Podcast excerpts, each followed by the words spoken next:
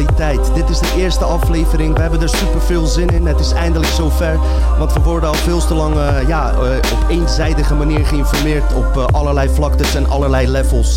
Op politiek level, economisch level, spirituele kant, historisch level en wetenschap uiteraard. En wij laten hier met deze podcast ja, de realiteit een beetje van een andere lens bekijken. En daarbij heb ik twee vrienden van mij bij me. Dat zijn Ersan en Joffrey. Jongens, hartstikke leuk dat jullie er zijn. We proosten eventjes. Proost jongens. Echt super, super vet dat jullie er zijn. En ja, ik zal, ik zal uh, jullie niet uh, al te lang uh, voorstellen of wat dan ook. Mensen komen er vanzelf al achter wie jullie zijn. Ersan is gewoon, ja, sinds, sinds kort met deze onderwerpen vindt hij gewoon interessant. Hij is ook niet lang met alles eens. Joffrey en ik zijn wat langer bezig, dus dat maakt het ook leuk voor mensen die net komen kijken. En mensen die wat langer in deze, dit ding zitten, als het ware. Dus ja, we gaan, laten we gewoon meteen knallen, Ersan. Wat zijn jouw ergernissen vanaf jouw ja, kant, vanaf jouw visie als het gaat in ons dagelijks leven om corruptie en machtsmisbruik? corruptie en machtsmisbruik. Nou, dankjewel dat je me die vraag stelt, uh, Dino. Dankjewel dat ik hier mocht zijn. Uh, Super, leuk, uiteraard. leuk voor een simpele man die altijd nuchter is uh, in dit soort onderwerpen. Maar dan ga ik er weer echt, echt nuchter in en denk bij mezelf, wat vind ik echt irritant? Dan denk ik aan, ja, simpel, bijvoorbeeld bureaucratie op lokale niveau, gemeenteraad, uh, districten, noem maar op. Echt aan bureaucratie gewoon. Ja, dat merk je ook uh, zeker wel, uh, zelfs waar wij wonen hier in Leiden, dat uh, mensen die gewoon connecties hebben in de gemeente, en dat is gewoon bekend hier, die kregen gewoon voorrang.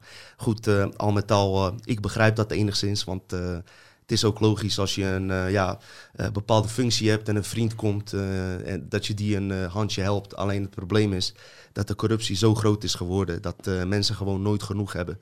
Ik heb zoiets van, ja, als je al een miljoen achterover hebt gesluist, waarom moet je miljarden hebben? 1 miljoen is toch zat, lijkt mij. Het is nooit genoeg, hè? dat is de aard van het beestje altijd. Ja, nee, het is... Ik vraag mezelf, als, als, als jij en ik uh, macht gaan binnenkort gaan krijgen, gaan wij dan hetzelfde doen? Ja, ik ga hetzelfde doen. Ja, zie, ja. Jij zegt het nu al gelijk. Okay. Ik, uh, ik, zou, ik zou dat zeker doen. Als een vriend van mij, stel je voor deze podcast wordt heel erg bekeken en een goede vriend komt van mij, hij heeft een bedrijf of wat dan ook, uh, zal ik zeker een paar subliminals tussen knallen, zodat mensen dat product stiekem gaan kopen. Ersan, oh, duidelijk, kijk, kijk, als we het echt over grote jongens gaan hebben, ik vond, ik vond het bizar wat je, waar je het laatst over had, over Jeff Bezos. Mensen, Jeff Bezos, als ik het goed uitspreek, is de rijkste man, op papier dan, want uh, ja, Rothschild en dergelijke, dat is een ander niveau. Rijkste man van de wereld, maar uh, ja, dat, uh, je vertelde me, ja, wat dingen vorige keer. Nou, ik vertelde je over multinationals, voornamelijk over globalisering op de markt en hoe steeds hoe, hoe, groter het wordt en hoeveel macht deze mensen naartoe trekken. Maar ook dat ze bijvoorbeeld hele media's overkopen. Dus eigenlijk wat presidenten doen in landen dergelijke om echt gewoon wat ben je? Oké, je wilt alleen maar slecht hebben, dus je wilt dat mensen op je stemmen. Dus wat doe je? Je koopt de media's op. Mensen horen geen slecht nieuws meer over jou. Jay Bezos doet precies hetzelfde. Die heeft gewoon de Washington fucking Post. Is gewoon van hem.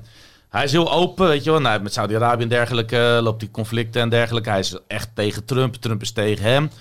Maar je oh, leest... Eh, even, even tussendoor. Dus hij en Trump zijn een soort van rivalen, joh? Ja, zeker. Oh, dat wist, oh, je niet. Nee, nee, nee, nee, is zelfs een hele grote... Nee, oh, is zelfs een hele grote overheidsdeal. Niet eens uh, naar zijn Amazon-bedrijf gaan, technische bedrijf. Maar die is naar Microsoft gegaan. Terwijl hij op papier natuurlijk veel beter was. Maar goed, daar staat er even los van. Ik laat dan maar teruggaan.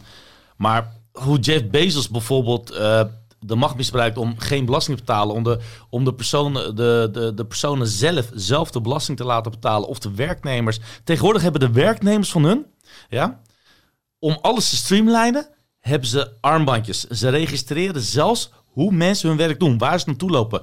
Wat is de volgende stap? Als ze verkeerd lopen, dat ze dan een elektrische shock krijgen of zo? Ja, en weet je wat dan het grappige is? Uh, dat gaat dan zo normaal worden dat als iemand gaat klagen, dat ze, dat ze dan zeggen: Ja, uh, had je maar gewoon uh, je werk moeten doen. Ja, dan ja en dat wordt steeds erger. Oh, we moeten blij zijn dat we een baan hebben. Dat is het. Mensen hebben hypotheken, mensen moeten gewoon gehoorzamen. Kijk, wat ik vooral uh, bizar vind, is dat het is een standaard verhaal, maar ja, weet je, we beginnen hier gewoon rustig. Multinationals, grootste mensen, net als die Jeff Bezos, weet je wel. De Amerikaanse burger moet dus voor elk pakket die Amazon verstuurt, komt het erop neer dat de Amerikaanse burger daarvoor moet betalen. Daar komt het eigenlijk op neer, wat ik laatst uh, erover heb gelezen en alles. En, Want wij betalen het niet. Maar ook in Nederland, ze betalen geen belasting.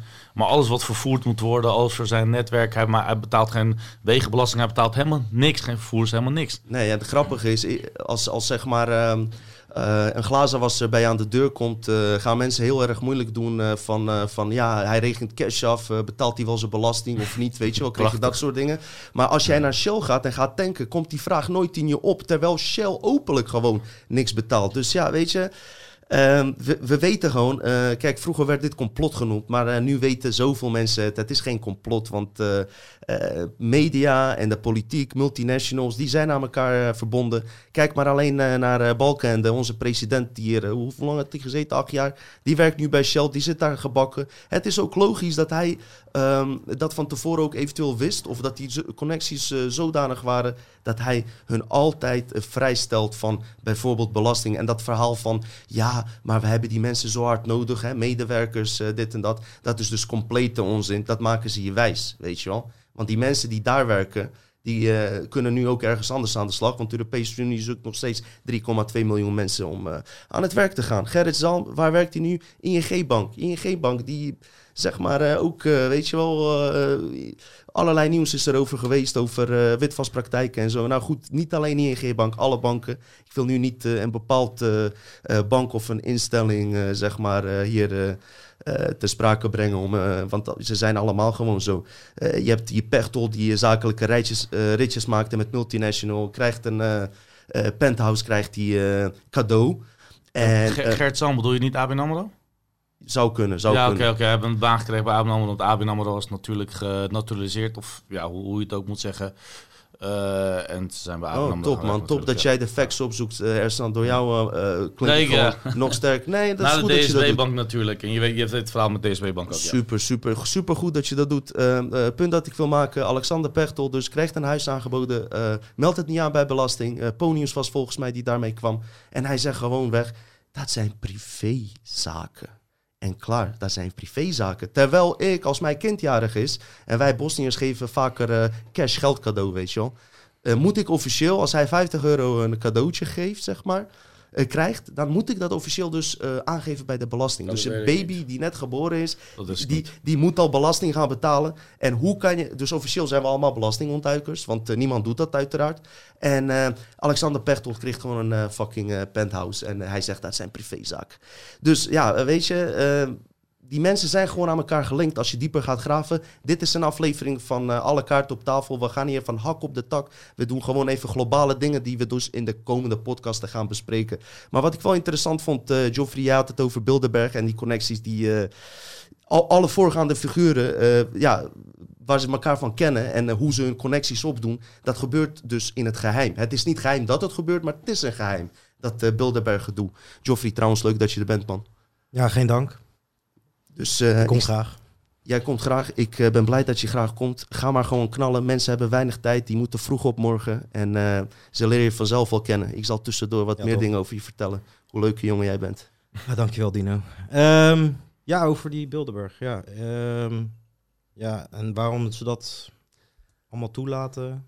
Ja, die connecties uh, met uh, Bilderberg, meer in, in, de mond van dat ze eigenlijk daar bij elkaar komen. En dat dat eigenlijk de reden is toch dat, dat ze elkaar baantjes naar voren schotelen en bepaalde agenda's erop aan houden. Ja, ja, de Bilderberg groep. dus een groep mensen die achter gesloten deuren eigenlijk afspraken aan het maken zijn. En dat zijn mensen uit politiek, banken, media, uh, ook multinationals en uh, die dus in het geheim samenkomen. Nou, ondertussen wordt het wel een soort van gerapporteerd door de media of alternatieve media. En dan zie je er wel wat van. Maar je, je hoort niet wat er daar besproken wordt. En uh, volgens mij wordt hier gewoon een geheime agenda besproken met alle betrokkenen. En het gaat hier echt over mensen over de hele wereld. De grootste namen. Rothschild, ja. Rockefellers, Royal Families. Het is zelfs in een Bilderberg Hotel in uh, Nederland opgericht, was dat. Weet je het jaartal nog? Of moet Ersan even ingeschakeld worden om uh, dat ding op te zoeken? Ergens in de jaren 60 zeiden ze ook dat hier ook de constru constructie van Europa werd uh, gemaakt. En daar was Prins Bernhard ook bij betrokken. Ja, klopt. Ja. Goed, de eerste meeting was in, in Nederland inderdaad, bij Bilderberg Hotel. Een jaartal ik even niet. Uh, 1954. 1954. Ah, kijk, kijk, kijk. Maar tijdens de meeting dus alleen al van, als we even recent kijken, van 2019 in uh, Montreux, Zwitserland. Zeg ik het goed, uh, Ersan? Uh, nee, ik zie hier echt... Uh, het maakt ook niet uit, joh. Je mag kleine foutjes maken. Wij zijn gewoon hier uh, precies, over aan het praten. Precies. Ik ben geen Maar professor. daar was dus Mark Rutte, de premier, was daar aanwezig voor ondertussen de vijfde keer bij Bilderberg. Ook die daar aanwezig waren was bijvoorbeeld Jessica Uhl van Shell, Sigrid Kaag van minister, dus de minister van Buitenlandse Handel... Maar ook zelfs onze koning, uh, Willem-Alexander, uh, was er ook uh, aanwezig. Ja, het is niet zo raar als zijn vader het opgericht heeft. Maar wat ik nog vreemder vind, dat hij... Zijn vader of zijn opa? Of zijn opa. ik, bij hun weet je het nooit namelijk. Wie vader wie de opa is. Het kan zijn vader en zijn opa zijn. maar goed, dat is een ander verhaal. Um, hoe heet het punt dat ik eigenlijk wilde maken, waar ik nog meer van verbaasd stond, is dat... dat dit is gewoon gewoon ook iets dat zo, zo schijnheiligs. Kijk, als je iemand in Bilderberg groep zit die verwacht, zoals de koning, zeg ik van oké, ja, het is Verwacht jij die? Ik verwacht die. Achter besloten deuren dingen ik, gaat bespreken nou, je, die de rest van Nederland helemaal Als je weet dat zijn vader het opgericht heeft, is het niet raar dat zijn klein... Of zijn opa opgericht heeft, is het niet raar dat zijn kleinzoon dat voortzet. Maar, nee, maar wel als hij samen met uh, banken, media, multinationals... Ja, daar hebben we het natuurlijk, hè, daar, daar hebben we het straks wel over. Maar waar ik dus van verbaasd was, dat die mhm. Diederik Samson, mensen kennen hem nog wel, dat is de... Ehm, de, de walvis van, uh, nee, van Greenpeace. Later werd hij eh, minister van PVDA. En die zit daar ook gewoon. Die komt ook gewoon naar die bijeenkomsten. Ja, fractievoorzitter. Je kan dat gewoon terugzien ook. Hij is ook geïnterviewd door mensen van... wat de fuck doe jij daar? Want jij bent juist degene die je hebt voorgedaan om tegen hun te zijn. Dus dit is weer zo'n voorbeeld van eigenlijk gecontroleerde oppositie. Is dat uh, of hij is bin, uh, ondertussen uh, onder mind control komen te staan... multidimensionaal of normaal, weet ik niet of hij is verleid, het maakt ook niet uit. In ieder geval, het is gewoon vreemd om hem bij de Bilderberg groep te zien. Terwijl je opkomt voor Greenpeace en uh, walvissen en, uh, en alle, allerlei dingen. Dus je kan je ook afvragen of die organisaties zelfs echt datgene doen als wat ze doen. En daar gaan we misschien ook een aparte aflevering over maken, over uh, goede doelen. Want je moet echt niet denken dat als je een goede doel steunt, dat je een goed persoon bent. Al met al even tussendoor voor de diepere gravers die denken van... ja, Dino, dat weten we al. Dit is ook meer voor mensen dus die net komen kijken, die, die net met deze onderwerpen bezig zijn. Dat is een beetje de basis weten waar we het over hebben. Dus ja, wat, wat dat beeld Bilderberg betreft, het zit heel diep verworven. Uh, iedereen is erbij betrokken die, eh, die wat betekent. En allerlei maar niet alleen maar Nederland. Ik heb natuurlijk net alleen maar Nederlandse mensen opgenoemd die daaraan meedoen. Maar uh, het is niet ook alleen maar Nederlanders, ook niet alleen Europa. Het is ook Amerika die daar komt. de directeur-generaal van UNESCO komt daar.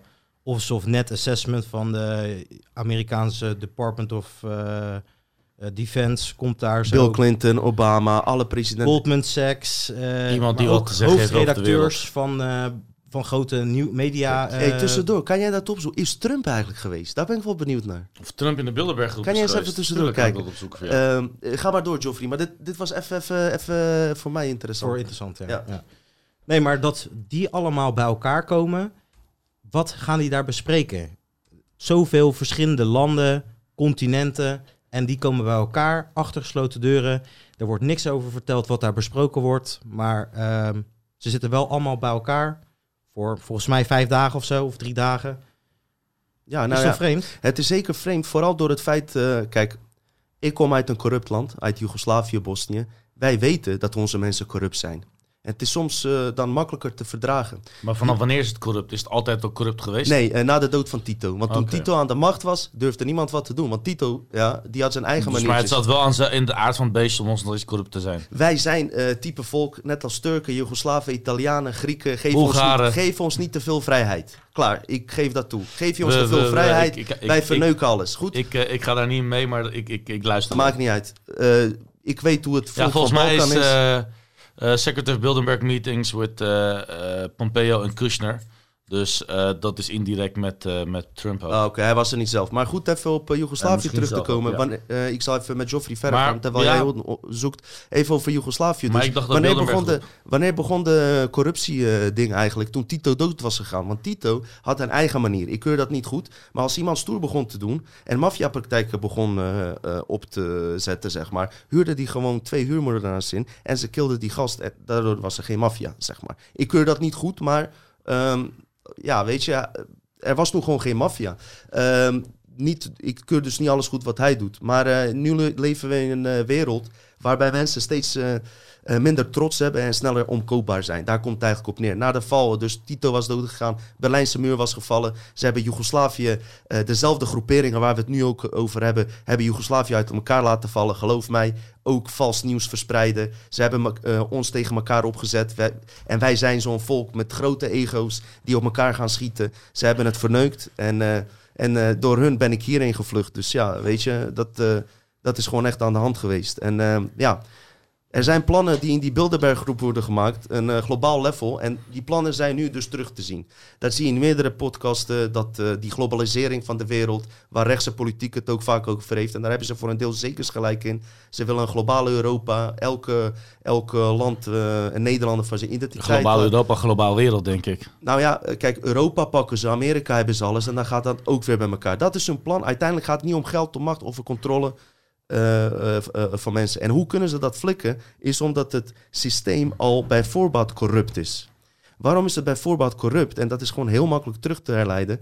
Bijvoorbeeld, ehm, je hebt, eh, in Nederland is dit ook het geval, maar ik geef even een voorbeeld met eh, George Bush en John Kerry.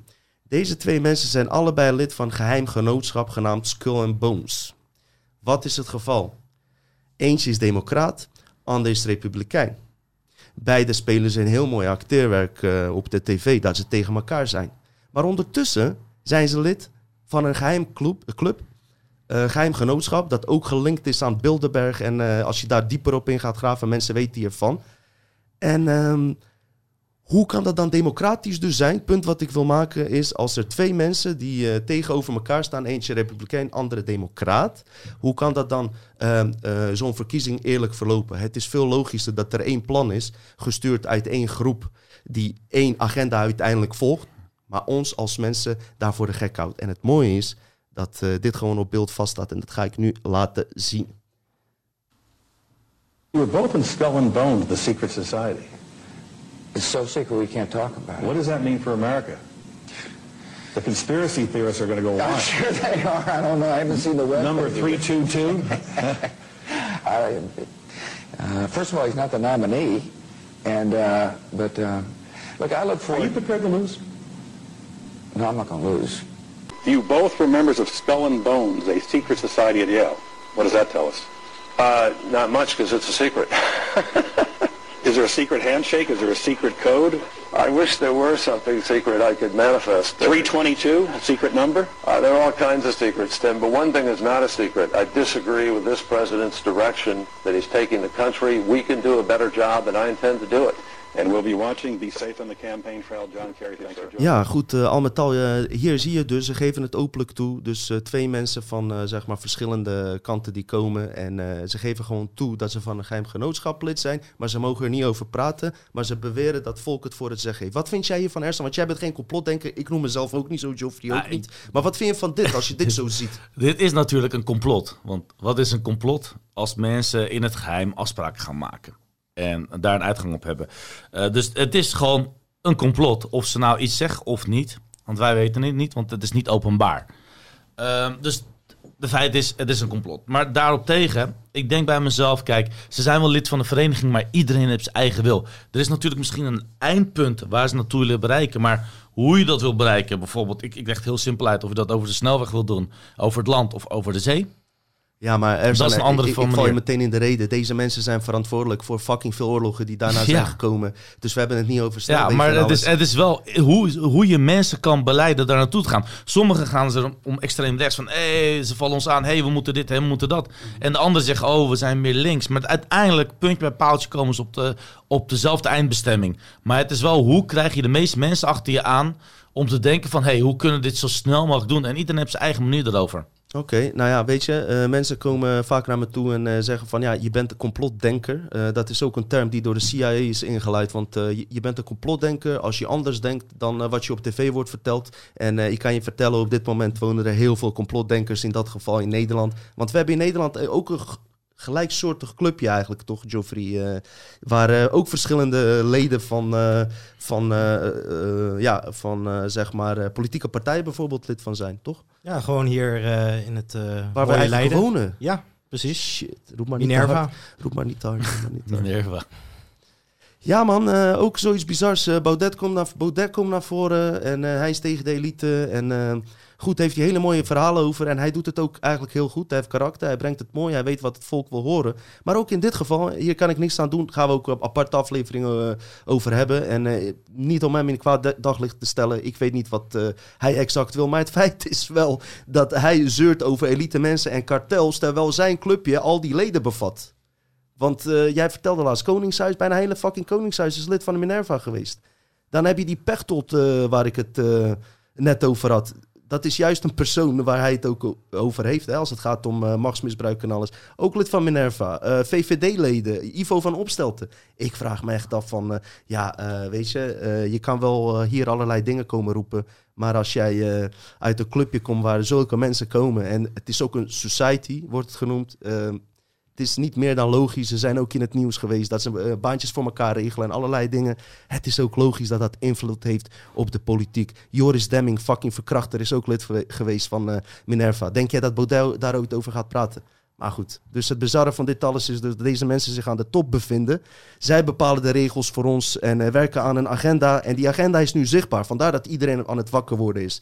Het is eigenlijk heel goed zichtbaar om ons heen. Kijk maar naar de banken die door be- bekende Illuminati-familie Rothschild worden gerund. Het is echt niet uh, bij wijze van spreken, jongens. A tot Z wordt er door Rothschild gerund. Bijna alle banken zijn eraan gelinkt. En degene die dat niet zijn, daar worden nu oorlogen gevoerd. Kan je ook zo nakijken. Het is eigenlijk... Ik, daar ja, kan je een heel aflevering over maken trouwens. Zeker. We gaan nu gewoon hier even doorheen knallen. En eh, ik ga ook zeker niet in complotten blijven zitten. Want eh, ja, weet je, eh, je kan wel... Je kan wel eh, over deze dingen praten. Maar op deze manier kan je duizenden podcasten natuurlijk maken. Maar uh, het heeft ook uh, het heeft, het heeft weinig zin om daar diep op uh, in te gaan. Trouwens ook een andere interessante geheime club uh, naast uh, wat jij net zegt over uh, Skull and Bones. Bohemian Grove. Ik weet niet of je daarvan van gehoord hebt. Tuurlijk, tuurlijk staan daar dingen natuurlijk. Nee, ik heb er niet van ja. gehoord. Nou ja, goed. Wat, wat het is, uh, Bohemian Grove, ook weer een uh, bijeenkomst van, uh, maar dit verkeer van de elite van de VS, die bij elkaar komen en een apart ritueel rond een uil, genaamd Moloch, doen. Een, uil van Minerva. Ja, een offering. En hetzelfde als bij Bilderberg worden daar dingen besproken achter gesloten deuren. Moloch, die de uil, waar in de tijd van Kortage kinderen aan werden geofferd, en ook in Babylonië werd hij uh, uh, onder een andere naam. Uh, Adam Weishaupt, Illuminati-symbool van Adam Weishaupt. Is ook. een uil, staat op dollarbiljet als je het Ik weet niet of dat dan ook dan precies die uil is. Hetzelfde het zal, uil. zal ja. eigenlijk wel moeten. Ik heb, het, ik heb het uitgezocht. Dezelfde ja. uil. Het is uil van Minerva, godin Minerva. Het is hetzelfde ding. En dat uh, Minerva, die uil is zowel positief als negatief. Maar sorry Geoffrey, laat ik jou even over... Uh, verder gaan. Oh ja. Uh, trouwens, ja, weet je, dat was dan dus in uh, Carthage-tijd. Uh, in Babylonië was dat Marduk, diezelfde oh, god, gaaf, joh. die Sorry. als stier werd afgebeeld. Um, en in Mes Mesopotamië, weet dus de oude Sumerië. Babylonië, werd, ja. nee, dat werd later Babylonië. Oh, ja. werd hij als Bel of Baal aangeboden. En aanboden. En in, in, feite waren dus deze allemaal weer afgeleid uh, van het nog oudere Sumerië. En dat was dus uh, de god Enlil. Uh, misschien zeg jij dat wat. Eh, dat was de zoon van Anu, Anunnaki. Ja, ja, ja. ja. gaan we ja, nu niet echt dat, heel diep om. Daar gaan we niet. Ja, gaan we gaan later op in. beetje Later inderdaad. Nee, maar om eh, even linken te leggen. Want als je terug gaat kijken dus... Ik denk dat Joffrey dat punt wil maken. Precies, ja. het komt juist. uit één ideologie. Toch? Uh, dat Ja. wil je eigenlijk Je zeggen. kan helemaal teruggaan in de historie en uiteindelijk komt het op het uh, verhaal uit van de Anunnaki, waar we een andere podcast over gaan Zeker, hebben. heeft met 13 bloedlijnen te maken en alles. Maar dat is dus, als je dus helemaal teruggaat, kom je dus daar zo uit. En dan kun je dus dat weer uh, aan elkaar uh, verbinden. Ja, en uh, wat we ook even bij moeten melden is dat die mensen, uh, vele van hun, uh, zijn er ook van overtuigd dat ze iets goeds doen. Hè? Want heel veel mensen denken, ja, die Illuminati-figuren, die denken alleen maar aan kwaad en duister. Ze hebben gewoon een ideologie. Vele van hun staan onder zware mind control. En die denken gewoon dat ze goed bezig zijn. Dat zijn of, uh, vooral mensen die met Zionisme en Kabbalah bezig zijn. Het zijn mensen die andere mensen onder mind control kunnen zetten. Terwijl ze zelf ook onder mind control staan. En eh, daar gaan we la- later echt dieper op ingraven. Ja, dat worden echt leuke dingen. Ik luister nu alleen maar. Luister maar Ander. goed, eh, waarom eh, zeg ik dit al snel, dit soort, misschien voor sommige me- mensen schokkende dingen. Want dingen die wij al tien jaar geleden riepen, werd je voor een gekke complotdenker uitgemaakt. Als je het al over, op verjaardag over bankencorruptie had of iets dergelijks, werd je gezien, ja, maar je bent een complotdenker, weet je wel. Werd je daarvoor uitgemaakt. Maar we leven nu in een tijd waarin zelfs een minister van het Europees Parlement, Godfrey Bloem, eh, het volgende zegt. It is my opinion that you do not really understand the concept of banking. All the banks are broke. Uh, Bank Santander, Deutsche Bank, Royal Bank of Scotland, they're all broke. And why are they broke? It isn't an act of God. It isn't some sort of tsunami. They're broke because we have a system called fractional reserve banking, which means that banks can lend money that they don't actually have. It's a criminal scandal and it's been going on for too long. To add to that problem, you have moral hazard, a very significant moral hazard from the political sphere. And most of the problem starts in politics and central banks, which are part of the same political system. We have counterfeiting, sometimes called quantitative easing, but counterfeiting by any other name. The artificial printing of money, which if any ordinary person did, they'd go to prison for a very long time. And yet governments and central banks do it all the time. Central banks repress the amount of interest rates are, so we don't have the real cost of money. And yet we blame the real retail banks for manipulating LIBOR. The sheer effrontery of this is quite astonishing. It's central banks. It's central banks that manipulate interest rates, Commissioner. And plus, underneath all this, we talk loosely, in a rather cavalier fashion, do we not, about deposit guarantees. So when banks go broke through their own incompetence and chicanery, the taxpayer picks up the tab. It's theft from the taxpayer. And until we start sending bankers, and I include central bankers and politicians, to prison for this outrage, it will continue. Ja, zeker applausje waard. Hij kreeg een eh, bescheiden applaus hier in het eh, Europese parlement. En eh, kijk, dus voor het geval dat je voor het eerst kijkt en ni- niks van deze onderwerpen af weet en meteen be- begint te denken, ja, er zijn complotdenkers en alles. Je hoort eh, Bloem, als ik het goed uitspreek, Europees parlement. Mensen, je kan je ook nadenken of dit überhaupt nog een complot is, gewoon onze realiteit. En zeker, dat heeft ook met de illusie dus van onze realiteit te maken. Want we leven in een illusie dat mensen in pak te vertrouwen zijn. Maar pakken zijn heel misleidend, zowel eh, als in de religies, als eh, in eh, dit geval. eh, iemand met een net pak hoeft niet per se een goed persoon te zijn. En Maar- dat wordt je wel aangeleerd. Het is wel heel leuk dat je erover begint, maar er zijn wel echt heel veel onderzoeken geweest dat mannen in uniform, maakt niks uit, brandweer, ambulancemedewerkers, schoonmakers, maar mannen in uniform leger worden altijd vertrouwd. Dat is gewoon bij ons ingeprogrammeerd. Ja, ik, dat, dat is van kleins af aan, omdat de, de overheid, de het government, of hoe je dat ook noemt, eh, te vertrouwen is. Maar eh they govern you mentally. Ze zeggen eigenlijk zelf dat ze jou goveren eigenlijk. Zij hebben jou onder controle zonder dat je dat doorhebt. Ik vind dat David Icke hier in een van zijn presentaties iets heel moois heeft gezegd. Is van, eh, ehm, dus een bank veroorzaakt zelf een crisis, waardoor jij je baan verliest. En daar komt eh, vervolgens diezelfde bank eh, neemt jouw huis ook in beslag, omdat je geen werk hebt om je hypotheek te betalen, weet je wel. En eh, terwijl zij de oorzaak zijn van die hele crisis. Dus het is, het is onwijs hypocriet wat, er- wat er gebeurt. Dus eh, ja, kijk, en heel veel mensen kunnen zich daar nu in vinden. We hebben een aantal jaren geleden crisis gehad en eh, mensen hebben daar ook eh, heel veel pijn onder geleden. Wie weet komt er weer een crisis. Ik heb er heel veel pijn niet. geleden. Ik heb twee huizen gehad, dubbele hypotheek Oh, gehad. dat weet je eh, nog, ja. ik weet er alles van. Hoe is dat afgelopen dan? Hoe dat af is gelopen, ja, dat is, dat is privé. Nee, ehm, ja, dat is kut afgelopen natuurlijk. Eh, dan ga je de, op het laatst dan, eh, vraagt zo'n eh, bankier je ook op gesprek. En dan kom je op het laatst bij, bij een bank aan. Bij een bekende boerenbank of daar tegenover. En dan, zegt hij, en dan zegt hij gewoon tegen mij, en dan zegt, kijkt hij me mijn ogen aan. En hij zegt tegen mij, hoe heb jij, in Gods naam zegt hij gewoon echt letterlijk, zo'n hypotheek kunnen krijgen? Wie heeft jou dat geld geleend? En hij probeert mij te prikkelen natuurlijk op dat moment. Op dat moment blijf ik heel nuchter en heel stil. En dan zeg ik gewoon, ja, ehm, een moment kon dat betalen. Maar in mijn hoofd dacht ik echt bij mezelf van, joh, zoek dat even lekker intern uit. Jullie zijn degene die mij dat gegeven hebben. Ja, inderdaad. eh, het, wo- het wordt eh, ook eh, natuurlijk heel verleidelijk. Je krijgt eh, mogelijkheid om een eh, mooi huis te krijgen. En eh, ja, je wil het mooiste huis. En als je die mogelijkheid hebt... het huis te dat krijgen, weet je hoeveel rente ik daarvoor heb betaald? Weet je hoe Nee. hoog de rente was? Kopen. Ik heb niks gekregen. Ik heb alles moeten betalen. Ze hebben heel veel geld aan mij verdiend. Ja, niet alleen aan jou, aan wel meerdere mensen. Al met al... Maar dus- ze maakten het wel mijn probleem. Sorry, Ja. het is een beetje persoonlijk. Nee, dat maakt toch niet uit, gozer. Lucht je hart, weet je. Blijf tussen ons. Hoe heet het? kijk, mensen die, zeg maar... eh, nogmaals, dit is echt voor mensen die kritisch naar... na- naar, naar onze onderwerpen kijken. Eh, het is geen complot. Je hebt nu Arnold Kerskens, voormalig eh, NOS. eh, volgens mij werkt hij bij een NOS. Ik weet het niet. In ieder geval journalist die ook naar buiten komt. En die ook gewoon zegt dat er gewoon heel veel dingen niet kloppen. Eenzijdig nieuws op NOS. Het is nu gewoon ja, een bekend verhaal geworden. Er is een mevrouw naar buiten getreden die decennia's volgens mij bij de NOS heeft gewerkt. Janneke Monshouwer. En die heeft het over verkrachting van het nieuws, weet je wel. Kijk, die mensen die... eh, wat, het, wat het dus het geval is, is dat... eh, journalisten en eh, archeologen, wetenschappers, als ze op een gegeven moment echt diep gaan graven en naar eh, richting geheimen komen, dat ze gewoon niet hoger opkomen, weet je wel. Eh, ze worden tegengewerkt, daar zijn zoveel voorbeelden van.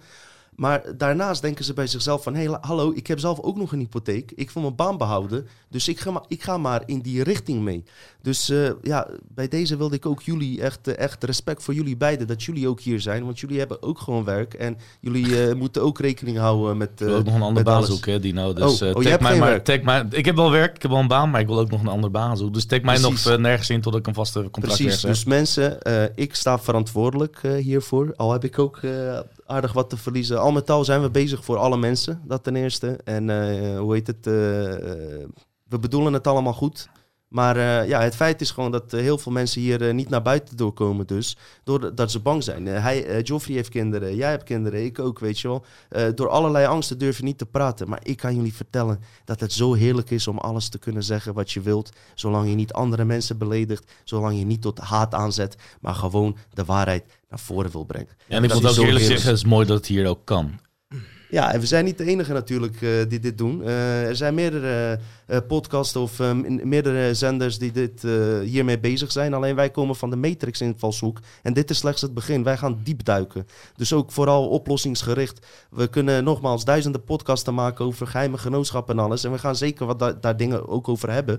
Maar ehm, uiteindelijk draait het om hoe gaan we hiermee om en hoe gaan we dit oplossen. En dat kan. Want wij mensen zijn gewoon ehm, goddelijke wezens die hun krachten kwijt zijn. En dat is geen spiritueel gelul. Blijf maar gewoon kijken. Dutch Matrix, meld je gewoon aan. En eh, groei mee, zou ik zeggen. En er zijn ook mensen die veel meer al weten. Dus eh, heb geduld in dat geval. Want we gaan later heel diep duiken. We gaan diep de Matrix in. Kwantumfysica, Anunnaki.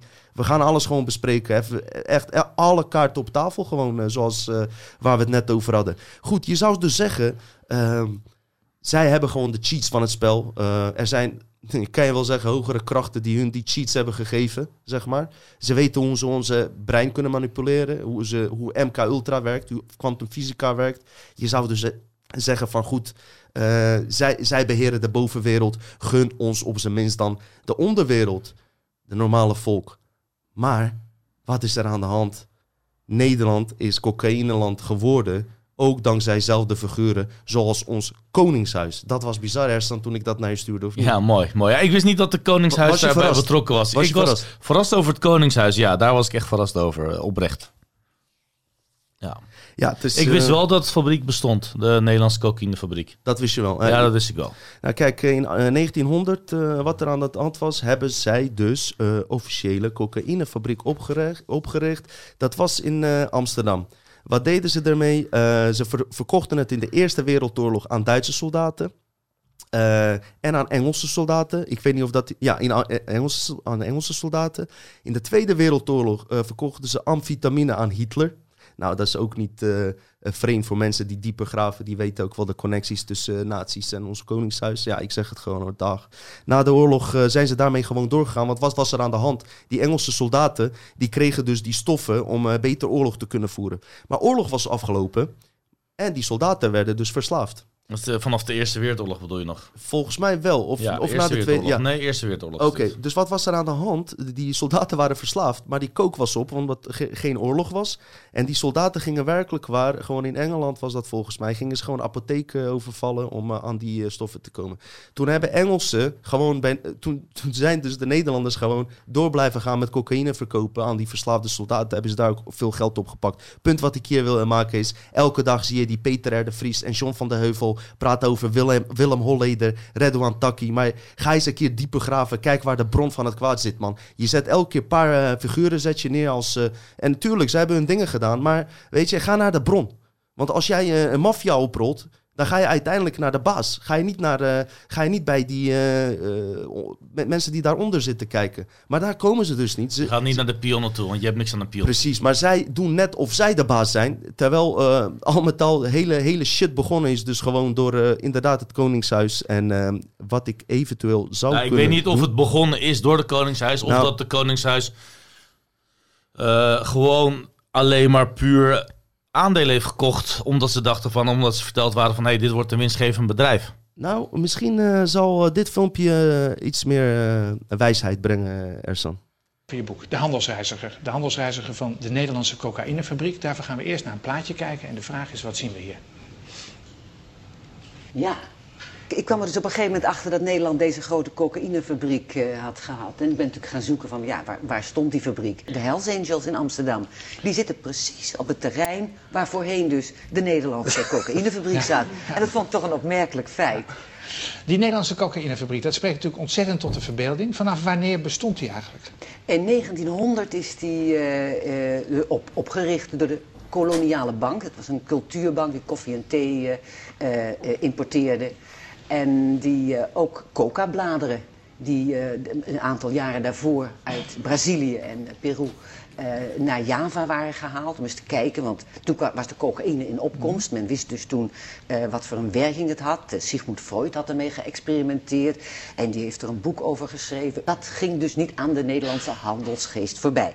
Kortom, er werd een struik gejat uit Bolivia. In de jaren daarna hebben ze dus de hele export van Bolivia kapot gemaakt. En eh, op Java geplant. En wat bleek nou, die Javaanse aarde was fantastisch voor de coca-struik. Er werden er grote plantages aangelegd. En die, eh, en die bladeren die werden naar, eh, naar Nederland vervoerd. En toen bleek dus dat dus zeer superieure cocaïne uitgemaakt kon worden. Ik zit er de hele tijd over te piekeren. U zei de Nederlandse koloniale bank Ja. zat er dik in. En Waar, wat mij, de eigenaar van de de eigen, ja. En wat mij bijstaat, is dat die bank, eh, dat koning Willem II en III daar fors in zaten. Ja, Ja. ja, ja. Dus eigenlijk heeft de familie van Oranje cocaïne productie in Nederland mogelijk gemaakt. Ja, ja, Ja, ja, ik heb ja. dat een beetje. Ik, vond, ik vind het al erg genoeg dat ze zo diep in de opiumhandel in, eh, in Java zaten. Oh, oh. Ik dacht, laat ik nou niet. Ik, ik heb, Je zou dus kunnen zeggen, als ik nog één keer vraag, dat de familie van Oranje verdiend heeft, want het vermogen is nog steeds in de familie, aan cocaïnehandel. de- ik, ik, ik, daar- ik moet heel eerlijk zeggen dat ik daar niet. eh, het, het was vooral de, de, de, de Nederlandse handelsmaatschappij waar ze heel erg diep in zaten. En in hoeverre of ze.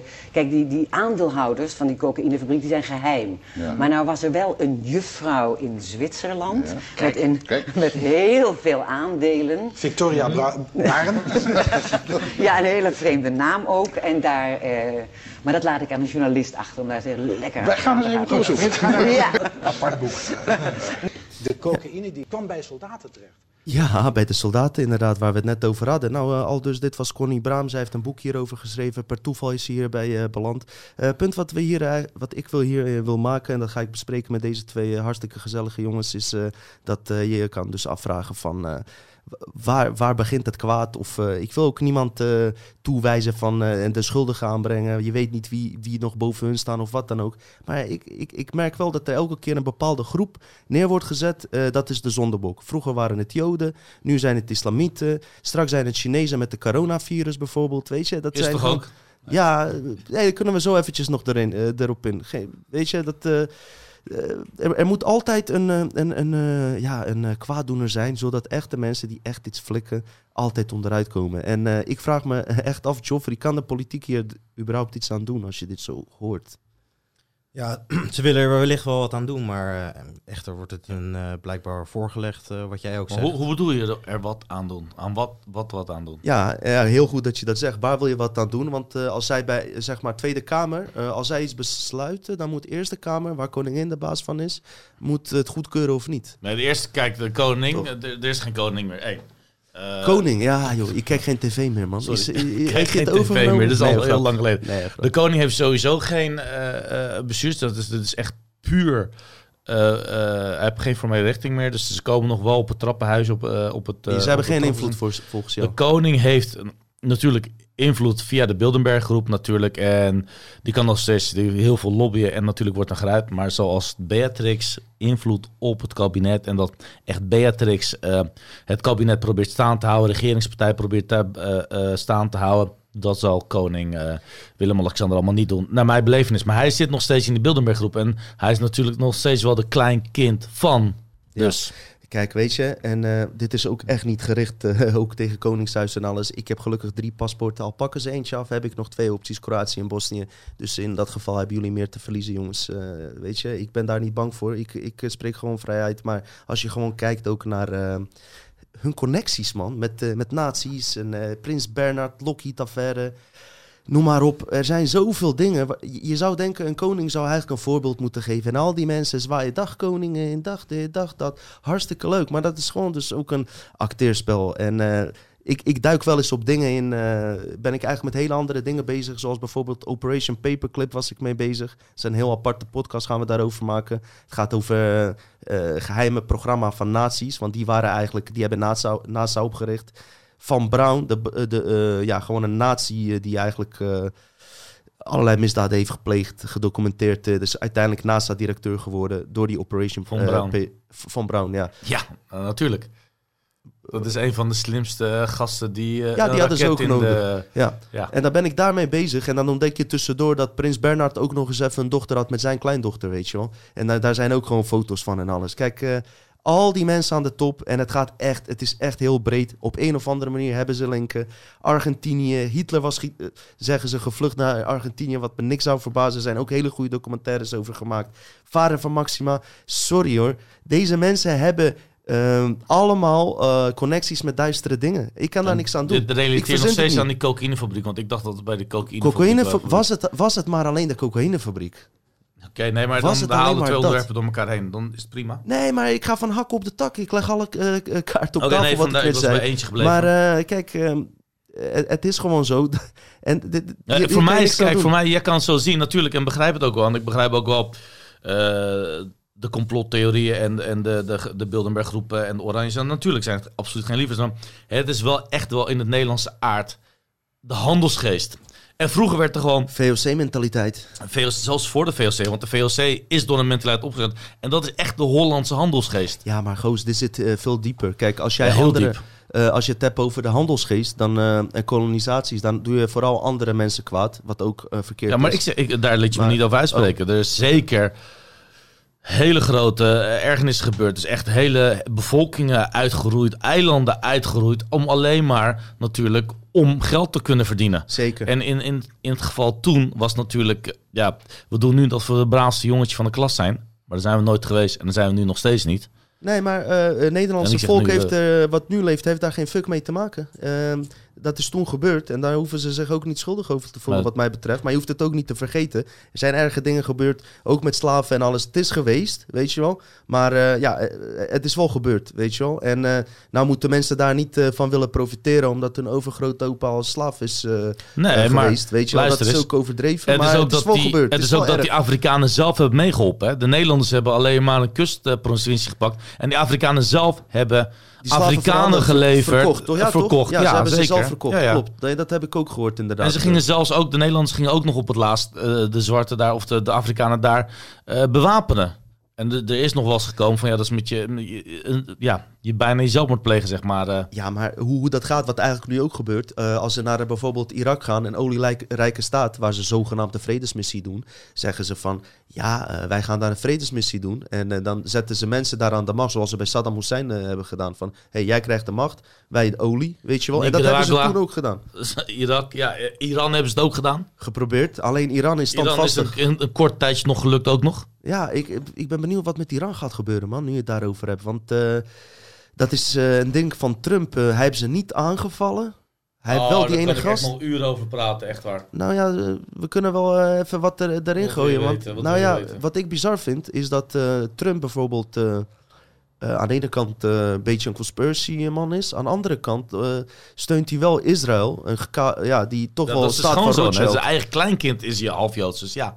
Ja, oké. maar eh, weet je, eh, wat ik vreemd vind is dat eh, ehm, Israël is natuurlijk door Balfour Declaration opgericht door Rothschild. En Rothschild is, als je al met conspiracies bezig bent, een van de topmensen. Dus als jij een staat steunt die door Rothschild is opgericht, kan je ook afvragen in hoeverre...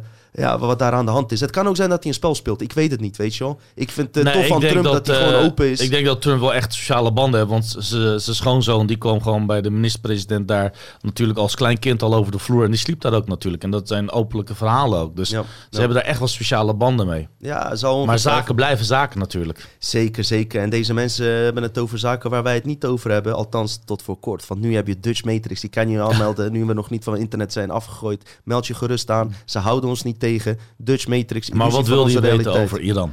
Ja, eh, wat Iran betreft, wat ik het eh, vieze verhaal aan vind, hoe eh, die tegenstand, hoe mensen Iran zijn gaan haten, is puur olie. Ze kunnen zeggen wat ze willen, het gaat puur om olie. BP is een bedrijf, een Engels bedrijf. Het was zo, hè. ik vertel het even globaal. British Petroleum. Yes, wat er gebeurd was, er was een Iranees in 19, ik noem maar een aantal, een jaar 1917, begin 19e eeuw. Hij ontdekte dat Iran olie had. Daarvoor wisten ze niks. Iran bleek fucking veel olie te hebben. Bam, eh, Engelsen hadden apparatuur om het eh, eruit te halen. Dus hij haalt die Engelsen, eh, betrekt hij erbij. Maar wat zij hebben gedaan, want het gaat hier om. Ja, zoek jij dat even ondertussen uit, de exacte dingen. Het gaat over gigantisch veel geld. Ze hebben die gas natuurlijk omgekocht. Maar zij hadden het idee dat ze voor altijd daar olie konden blijven pompen. Totdat die Iranezen erachter kwamen van fuck, zij verdienen wel heel veel. Dus na aantal- 1908 door William Knox Darcy. Goed.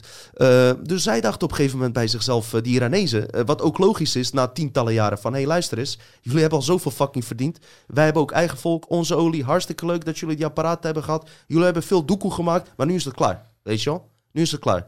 Dezelfde als mijn podcast gaat lopen, zeg jongens, nu is het klaar, weet je wel? Nu ga ik alleen verder. Daar komt het op neer, alsof ik dat bij jullie zou flikken. Mhm. Snap je waar, waar, waar het op neerkomt? Ik ben hier te gast en ik vind het leuk om te zijn. Als Nee, daar- maar ik geef even een voorbeeld, weet je wel. Dus wat, ge- wat gebeurde er daarna? Iran was ineens een terrorist, terroristisch land. Iran eh, maakt kernwapens. Nou, en als Iran kernwapens maakt. Israël heeft kernwapens, Amerika heeft kernwapens, Rusland heeft kernwapens. Waarom mogen zij kernwapens hebben en Iran niet? Waarom niet? Waar, waar slaat het op? Het is, het is wel zo dat ehm, Iran natuurlijk, dat moet ik erbij zeggen, ik, ik neem voor niemand op, maar dat ze wel zeggen als wij kernwapens hebben, dan vegen wij Israël helemaal van de kaart. Lijkt me Hoe weet niet- jij dat? dat? Dat staat openlijk, dat, dat hebben ze vaker opgezet. Maar in wat, voor, dus- in wat voor context is het gezegd? Het kan ook zijn gezegd dat nadat hij bedreigd is door Israël van wij gaan jou aanvallen of dit en dat, dat hij zou kunnen hebben geantwoord van ja, eh, wij, wij vegen jullie van de kaart. Ehm, en dat het weer in onze media in zo'n context wordt geplaatst. Al met al, Natuurlijk, de- feiten zijn zo dat Iran afgelopen 70, 80 jaar maar twee of drie oorlogen heeft gevoerd. En Amerika meer dan En 50, het is mooi, hè, dat 65. ze- Jij had me nog dat Ja, ding gestuurd. klopt. En het is- Je moet kijken wat er aan de hand is. Wie koloniseert wie? Nee, Zitten en Iranezen bij en Amerika aan de grens of andersom? Als je kijkt hoeveel rijkdom Saudi-Arabië heeft en hoeveel armoede Iran, terwijl in Iran veel meer snellere, eh, veel st- eh, slimmere op zich, genetisch slimmere mensen Hey, zitten, eh, nou, mensen. nou moeten we niet, Nou, als je kijkt naar de geschiedenis, je moet, je moet Arabieren en Persen niet gaan vergelijken. Joh, ik zie alle mensen gelijk totdat ik ze leer kennen. Ja, maar net je nog net anders. Bij ja, maar toen waren, de zijn altijd... toen waren camera's uit. toen waren de camera's nou, uit. luister, luister. Ik ben hartstikke trots op eh, mijn Bosniërs en Joegoslaven. Dat mag even worden gemeld. Eh, even tussendoor, mensen. Eh Bosniërs, Joegoslaven, zoveel narigheid meegemaakt. Zij hebben zo'n power in zich... dat deze mensen nog een lagere werkloosheidspercentage hebben in Nederland dan Nederlander zelf. Wij staan op nummer 1, dus qua opleidingen en werkloosheidspercentage. Ik ben een van de slechtst preste- presterende ex-Jugoslaven. Maar ik kan je vertellen, er zit zoveel talent bij. Ondanks alle We narigheid. gaan weer echt op de haak van het tak. Hè. We waren nog Gaan steeds we bij ook. Iran. Gaan we ook. Ik kom zo terug op Iran. Waarom? Perzen hebben ook een heel mooie rijk cultuur. Perzen zijn hier ook een voorbeeld voor de samen. Heb jij ooit gehoord dat er problemen zijn met Perzen en Iranezen? Even eerlijk. Heb je iets gehoord over hun hier? Nee. Ik- Ik ken genoeg Perzen en Iranezen. Dat zijn zulke lieve, vrije mensen. Dat is gewoon eh, niet te omschrijven. Ze zijn allemaal leuk en lief. Maar Niet de- allemaal, maar ze hebben een genetisch iets wat jij zei. het zelf. Ze hebben een cultuur, heel, heel ver cultuur hebben zij, weet je wel. Ik weet dat je, eh, Turken en Perzen met het Troy-verhaal om die chick... eh, Troy is weer helemaal veel. Je bedoelt Ik 300. ga van hak op de tak, gozer. Ja. Want dit is alle kaarten op tafel. Nee, maar Troy, Troy is een oorlog tussen de, de Grieken en, eh, eh, ehm, en de Grieken en de Perzen is met Oh, was dat 300. met Grieken? Oh, sorry. Al met niet. al, eh, punt wat ik wilde maken. Iranezen of Perzen zijn helemaal niet zo'n eng volk als wat zij eh, willen laten zien. Er wonen er genoeg hier in Nederland. Bijna elke Hollander kent wel een Pers. Er zijn in het algemeen hartstikke goede mensen. En wat daar gebeurt, ik keur het niet goed. Ik sta niet achter die president. Vergis, vergis je niet. Ik vertrouw ze allemaal Achter niet. Nog ik, wat, ik ja. vertrouw ze allemaal De niet. geestelijke leider. Ik vertrouw niemand.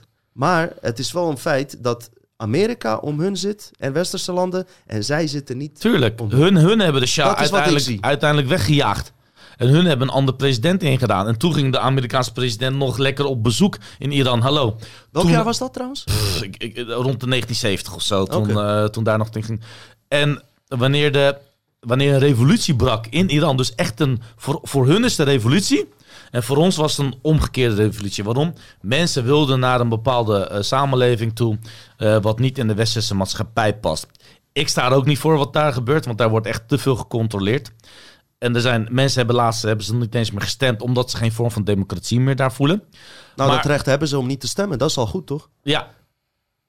Oh, het nee, feit om als ze stemmen, dat het alsnog niks uitmaakt. Denk Als je dat jij- bij ons als- wel wat uitmaakt dan? Nou, maar in principe, wij, kan jij dit programma in Iran maken? Wat wij nu hier doen in Iran maken. Wij moeten eerst even afwachten of we in Nederland eh, fatsoenlijk eh Nee, maar geen, eh, er, zijn, er, zijn al genoeg, er zijn al genoeg programma's die het al maakten, dat zei je al. En wij staan vrij om dit te kunnen maken. We worden niet gecontroleerd. Er is geen een of andere statie die al nu langsloopt Nou, van... hé, hey, deze nee. mensen die maken het. Maar zijn wij Dus niet. belangrijk? Nee. Maar eh, stel je voor dat je, dat je echt, echt belangrijk bent en heel aanhang hebt, zoals so- sommige mensen, dat je zo populair Yo, wordt. maar wat jij nu zegt over het Koningshuis, wat jij nu zegt over Oranje of over eh, Mark Rutte, over de regering of andere regering, Ja, kan kan, je daar niet maken. Nee. Dus er is wel een groot verschil. Dus ik sta daar niet achter die regering. Ik, ik begrijp. Noord-Korea, zelfde verhaal. ik begrijp waar je heen wil. Oké. Oké. Maar het feit is dat die Amerikanen, dus daar die president, en toen die, dus degene die het land daar veroverde, toen die werd weggestuurd, toen na die revolutie daar, zijn vliegtuig was zo vol met goud geladen dat hij bijna niet eens meer kon opstijgen. Nee. Die is gewoon naar Amerika gevlucht, ja. Dus het is echt. Maar het is, is, eh, het is een van de grootste olielanden ter wereld. Kijk hoe rijk Saudi-Arabië is en hoe arm Iran. Ja, en eh, ik, ik blijf het toch ook zeggen dat eh, ik denk dat hier ook linken met China zitten. Want die olie, er was iets ook eh, door die Perzische golf of zo. Er was, ik, heb, ik heb me hier niet op verdiept, maar Chinezen hebben hier ook, eh, zijn zich mee gaan bemoeien. Omdat ze natuurlijk heel veel olie Ja, hebben. Het is een strijd ook. China wil heel veel olie hebben Zeker, natuurlijk. zeker, en waar kun je dat halen? Uit Iran. Zeker. Eh, dus eh, kijk, eh, weet je, dat Iran-verhaal. eh, ik sta dus achter niemand, dus ook niet achter Iran. Maar we worden toch weer bang gemaakt. En Trump, weet je wel, die zo tegen Iran. Ik zou zeggen, gozer, vraag je eerst af wie, wie koloniseert. En je kan wel ja, mensen elke keer bang maken van hun zijn de terroristen. Maar dat horen we al twintig jaar. Weet, Iran- weet je wat mooi is? Voordat Trump president werd, ging die Obama al kritiseren over hoe slecht zijn handel ja, maar dat was om- anders. Hij had een deal gesloten. Obama had hun heel veel geld gegeven. En Trump wilde niet dat ze dat geld zouden krijgen. Nee, nee, nee, maar En dat- het, het ging, ik het ging er ook om dat, dat, oh, dat hij zei ook op een gegeven moment, luister naar deze, misschien heb je deze niet zo gehoord, dat Obama stond ook wel achter een warfare, zeg maar. En Trump bekri- kritiseerde hem gewoon om te zeggen van ja, dan, kan je, dan ben je eigenlijk niet geschikt als leider als je het niet met gewoon een, een meeting of dergelijke eruit kunt komen. Dat natuurlijk zijn andere woorden voor. Maar daar heeft hij Obama zelf gekritiseerd. Maar volgens mij staan er weer hogere machten, wat jij zegt, Zeker, hem zeker. te Ook- drukken, waardoor hij verandert. Ja, zeker. Dus ook niet ook gericht eh, per se tegen Trump of wat dan ook. Kijk, feit is wel dat Obama nog meer oorlog heeft eh, gecreëerd dan en George Bush. Hij is toch de enige heeft het- president van Trump heeft nog begin tot redelijk goed einde gedaan altijd tot nu een oorlog toe, geweest. Eerlijk is eerlijk, Trump heeft tot nu toe nog het minste volgens mij oorlogen gevoerd van hun allemaal. Maar ik heb wel dus- de Nobelprijs voor de vrede. Ja, dat, eh, dat krijgt is- hij wel. Dat is Obama. Ja, zo werkt het, weet je wel. Want uh, als je Nobelprijs van Vrede wint, dan ben je blijkbaar... Ja, maar er zijn ook een stelletje stomme Zwedenaren daar die... Uh... Ja, zeker, zeker. Maar wat er dus is gebeurd, uh, laten we even buiten houden of Trump een agenda heeft. Zo en zo zijn er 39 organisaties die boven Trump staan. En daarboven staan ook weer multidimensionale wezens die hun in de gaten houden. Jongens, die shit gaat zo diep. Wij, wij gaan gewoon zo en zo heel diep graven. Maar uh, uh, Trump is dus niet de eindverantwoordelijke. Maar wat wel aan de hand is, hij heeft wel dat conspiracy, dat ja, soort van... tegen de overheid, opstand tegen de overheid gecreëerd. Komt dat uit de koker, uit dezelfde hoek? Ga ik nu niet zeggen, zou me niks verbazen. Uh, maar wat er wel aan de hand is, is dus dat er um, door Trump uh, onder andere, en uh, Baudet heeft daar ook van geprofiteerd, is dus door grote bek te hebben tegenover de overheid, dat je gewoon aanhang krijgt. Want die geeft het recept waar ze honger in hebben. En ze hebben allerlei gerechtjes klaarstaan. Heerlijk. Dat deed Karl Marx ook, kwam zelf ook uit een elite familie met de Franse revolutie. mensen hadden slecht, dezelfde Illuminati-figuren waren aan de macht. Komt Karl Marx. eigenlijk wat Baudet nu doet van hey, jullie worden bedonderd. Jullie dit, jullie zus, jullie zo. Ondertussen is die Karl Marx, een vader vrijmetselaar van Hermetic Stars, 33 graads vrijmetselaar, volle invloeden van Illuminati. Ik ga daar een aparte uh, podcast over maken. Satanisme, zelfs een vriend die met hem uh, samenwerkte, zei die dat hij door Satan uh, bezeten was en dat hij taak van Satan uitvoerde. Ook te herleiden uit zijn boeken die hij geschreven heeft. Komen we echt later op terug. Al met al, elke keer net op het moment wanneer het volk echt in opstand zou moeten komen en er iets zou moeten veranderen, komt er weer iemand uit de koker met een heerlijk gerechtje die ons voedt. Uh, zou dat Trump nu kunnen zijn? Ja, dat zou zeker held kunnen. voor het volk. Een held. Ze zoeken een held. Je zit er toch, QAnon. Ja, watch the show. Ga lekker achterover zitten. Pak de popcorn. Want wees Trump... passief. Ja, wees passief. Weet je, we worden in een passieve houding gezet waar... en we blijven in die loop. We blijven in die loop. En het probleem is, je hebt de generatie die gaat dood en die kinderen, die nemen die loop over. Snap je? En zo, zo blijven ze duizenden, al dan niet miljoenen jaren uh, deze shit voortzetten. Maar wat wel aan de hand is, daar moet ik ook heel eerlijk over zijn, is dat uh, zeg maar diezelfde linkse media die islam eerst kapot heeft gemaakt. Want uh, ze hebben eigenlijk die linkse media die nu zogenaamd voor islam opkomt, ze hebben islam helemaal kapot gemaakt na 9-11, wat ook een complot blijkt te zijn, bullshit en alles. Maar wat ze nu doen, is die rechtse mensen, waar ik het trouwens ook niet altijd mee eens ben, maar die groeiende mensen zijn ze uh, ook gaan afkraken en uh, zijn ze gaan connecten met conspiracy. Dat het complotdenkers zijn. En uh, Ersan, ik heb dit niet onderzocht. Misschien kan jij dat artikel voorlezen, want je had laatst die aanslag in Duitsland. Dit is gewoon even van mainstream nieuws. Je moet het maar even opnoemen waar het vandaan komt. Maar het punt wat ik hier wil maken, kijk eens hoe ze zo'n gast die zo'n aanslag pleegt. De vraag is, is hij het zelf geweest? Ik heb het niet onderzocht. Kijk eens hoe ze hem linken, dus een extreem rechts figuur, aan complotdenkers. En dus op een gegeven moment, als jij een complotdenker bent, dat, dat is hun mind control. Uh, word jij gelinkt aan zulke gasten? En dan is, Terrorist. Precies. En dat hebben ze precies met de islamieten gedaan. Want als jij een islamiet ziet lopen in een jurk, je schrik je de pleuris. Snap je? Omdat je meteen aan die aanslagen denkt, 9-11 en alles. Het is gewoon mind control programma. Kan je ja, even dat uh, ding voorlezen wat er exact staat? Ik heb nu toevallig bij de AD eentje. De dader is meer dan een zonderling die zichzelf verloor in waanzinnige complottheorieën. Verder? Alleen, ja, vertel maar verder. De Duitse Rijtjen schoot gisteravond negen migranten en zijn eigen moeder dood. De man liet een hallucinatiemanifest en enkele online video's achter. Achter de bol staan de wereldcomplotten, onversneden racisme en vrouwenhaat. Het bleek een giftige mix en leidde tot dood en verderf in de Duitse politiestaat. Wij hebben geen haat voor vrouwen. En hij heeft een manifest van 24 kantjes. Kijk, het kan natuurlijk in zijn, het kan erin gelegd zijn. Maar het is wel natuurlijk, wat wil media? Ze willen natuurlijk angst creëren. En als jij moslims neerschiet, creëer je geen angst. Ook mijn, meteen even om te melden, maar echt waar, weet je, omdat moslims zelf hier de lul van zijn geweest. Ik kom niet voor alle moslims op, absoluut niet. Daar zitten ook gekken bij. Maar zij weten hoe dit spel werkt, omdat ze zelf al die jaren zijn uh, geflasht op deze manier. Dus mijn ook oproep aan, islamitische mensen is: ga nou niet, zeg maar, hier tegen in of ga zelf geen rare dingen doen, weet je wel. Als zo'n mafkees iets flikt. Want uh, ik ken genoeg uh, mensen uit, uit rechts die op Baudet stemmen. Dat zijn gewoon normale mensen, weet je wel. Dat zijn geen racisten. Er zitten een paar gekken bij, die stemmen vooral op Wilders. Ook al wil ik hun nou, ook jij niet voor vindt Baudet wel heel goed zo impulsieve acties kan ondernemen. Wil je echt een, iemand hebben als controle over een land die impulsieve acties onderneemt? Luister, Baudet heeft. Ik, ik, weet tenminste wat ik aan die gast heb. Als je Rutte ziet. Nou, ik dan weet vind wel ik veel enger.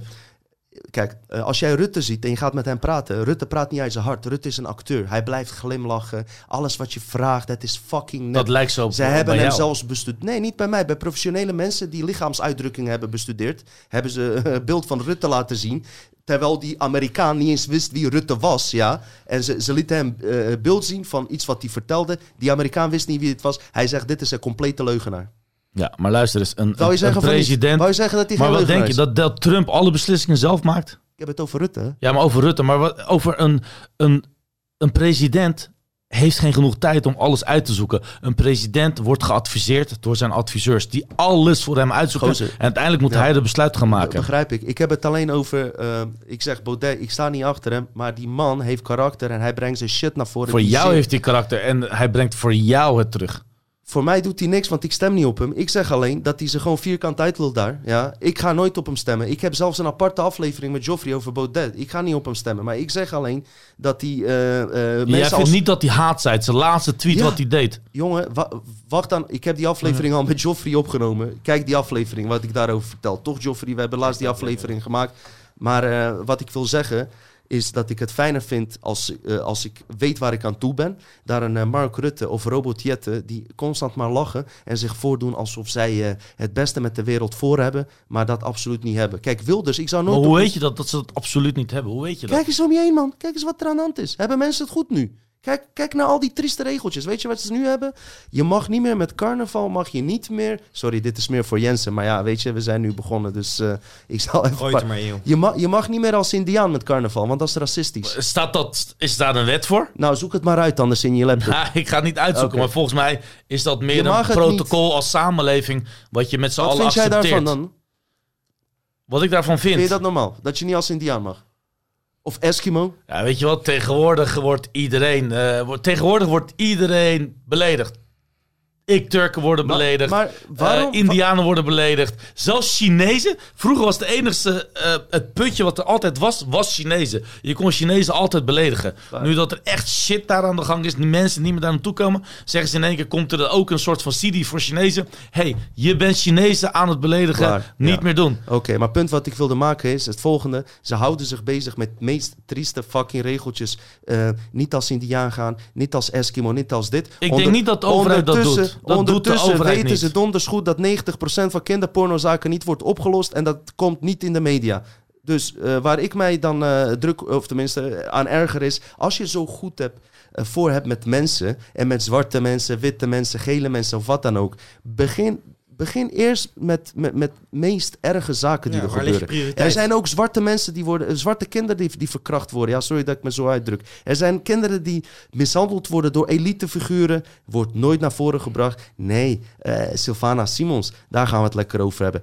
Heb ik toch haar naam ook nog eh, gezegd. Goed, weet je, al met al, ik vind ze fucking schijnheilig. Ik eh, vertrouw links en rechts niet. Maar links vind ik fucking schijnheilig. En voor alle mensen die links stemmen, denk maar niet dat als je op hun stemt, dat je een goed persoon bent. Denk maar niet als jij een, goed, een goede doel aan een Rode Kruis, eh, eh, Illuminati-bedrijf, ja, Tempeliersbedrijf, als jij je geld daaraan geeft, dat je een goed mens bent. Denk maar niet dat dat geld komt bij de juiste persoon. Weet je wel? Dat zijn allemaal illusies. En mensen geven geld om te denken: ik ben een goed persoon. Onzin. Zoek je shit uit, weet je wel? Want eh, zo en zo. eh, Kloppen er zo en zo veel dingen niet. Alles wordt ons voorgeschoteld. En niet alleen op politiek level. Ook onze oorsprong. Darwinisme. We kregen eenzijdig verhaal over oorsprong. Dat we van apen afstammen. Maar als je dieper gaat graven. En ik ben met mijn boek bezig. Ik ben eh Diep Cosmisch Level. Gaat over Tweede Wereldoorlog in Duitsland kom ik ook weer eh, tot mijn grote verbazing erachter dat het hele verhaal van, de, van die Tweede Wereld met de Hitleroorlog, Ben je Rockefeller. nou gewoon je tweede boek aan het promoten op dit moment? Ja, tuurlijk, gozer. Oké, Hey, ja, nee, is eh, het even duidelijk. Ja, ja, ja, ja, tuurlijk, man. Dat, dat hoeft niet eens. Ik bedoel, eh, dit komt gewoon... eh, hier, heb ik al opgeschreven. Je tweede boek promoten. Oh ja, staat hier.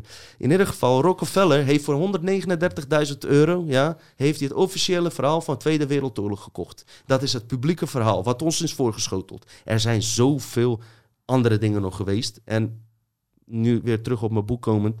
Het heeft niet daarmee over te maken, meer over het Alien-programma en die Operation Paperclip, Operation High Jump. Ga ik later zeker op in. Al met al, dingen die ons dus vandaag worden voorgeschoteld, zullen over 30, 40 jaar belicht worden van ja, dat is weer een gekocht verhaal. En dat geldt ook voor onze oorsprong, wat ook door Rockefeller is gekocht en gepromoot, is dit, dat Darwin-verhaal. Want dat was ook een 33 graads vrijmetselaar, of althans een vader, die een bepaalde eh, beeld van onze historie eh, hebben gegeven, die, eh, die, die nu eh, zeker eh ter sprake kan worden gebracht door eh, verschillende wetenschappers, dat die eigenlijk voor geen reet klopt. Want als wij van de apen afstammen, waarom zijn de apen dan apen gebleven?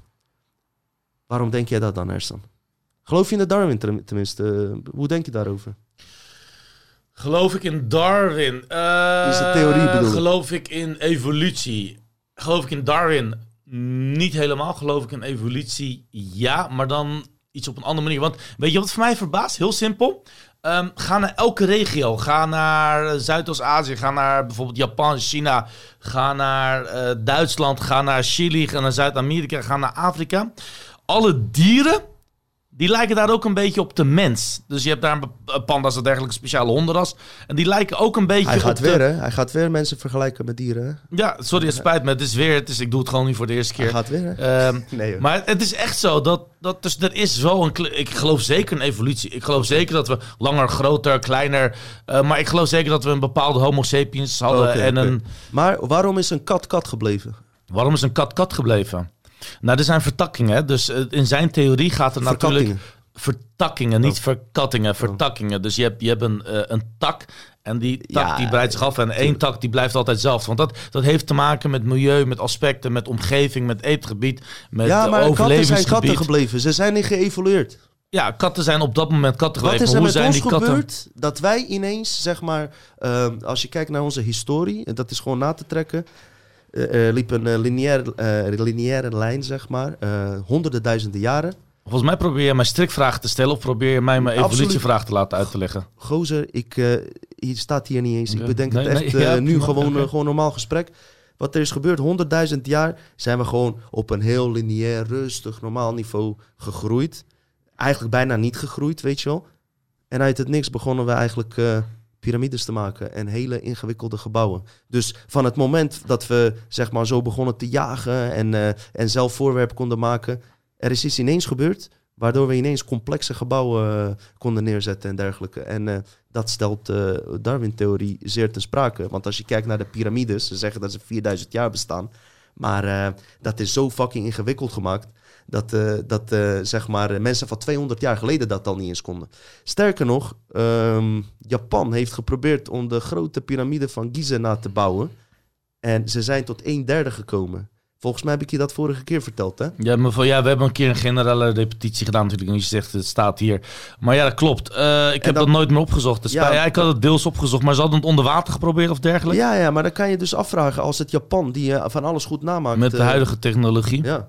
Ja. Ja. dat niet is gelukt. Hoe konden die mensen dat doen? Je kan mij niet wijsmaken Nou, dat ze dat dat met boomstammen deden. En dan ook nog op de leylines eh, eh, zitten van eh, bepaalde energiepunten op aarde. eh, met sterrenstanden. Nog niet eens alle gangen zijn ontdekt. Nog steeds worden er nieuwe kamers ontdekt.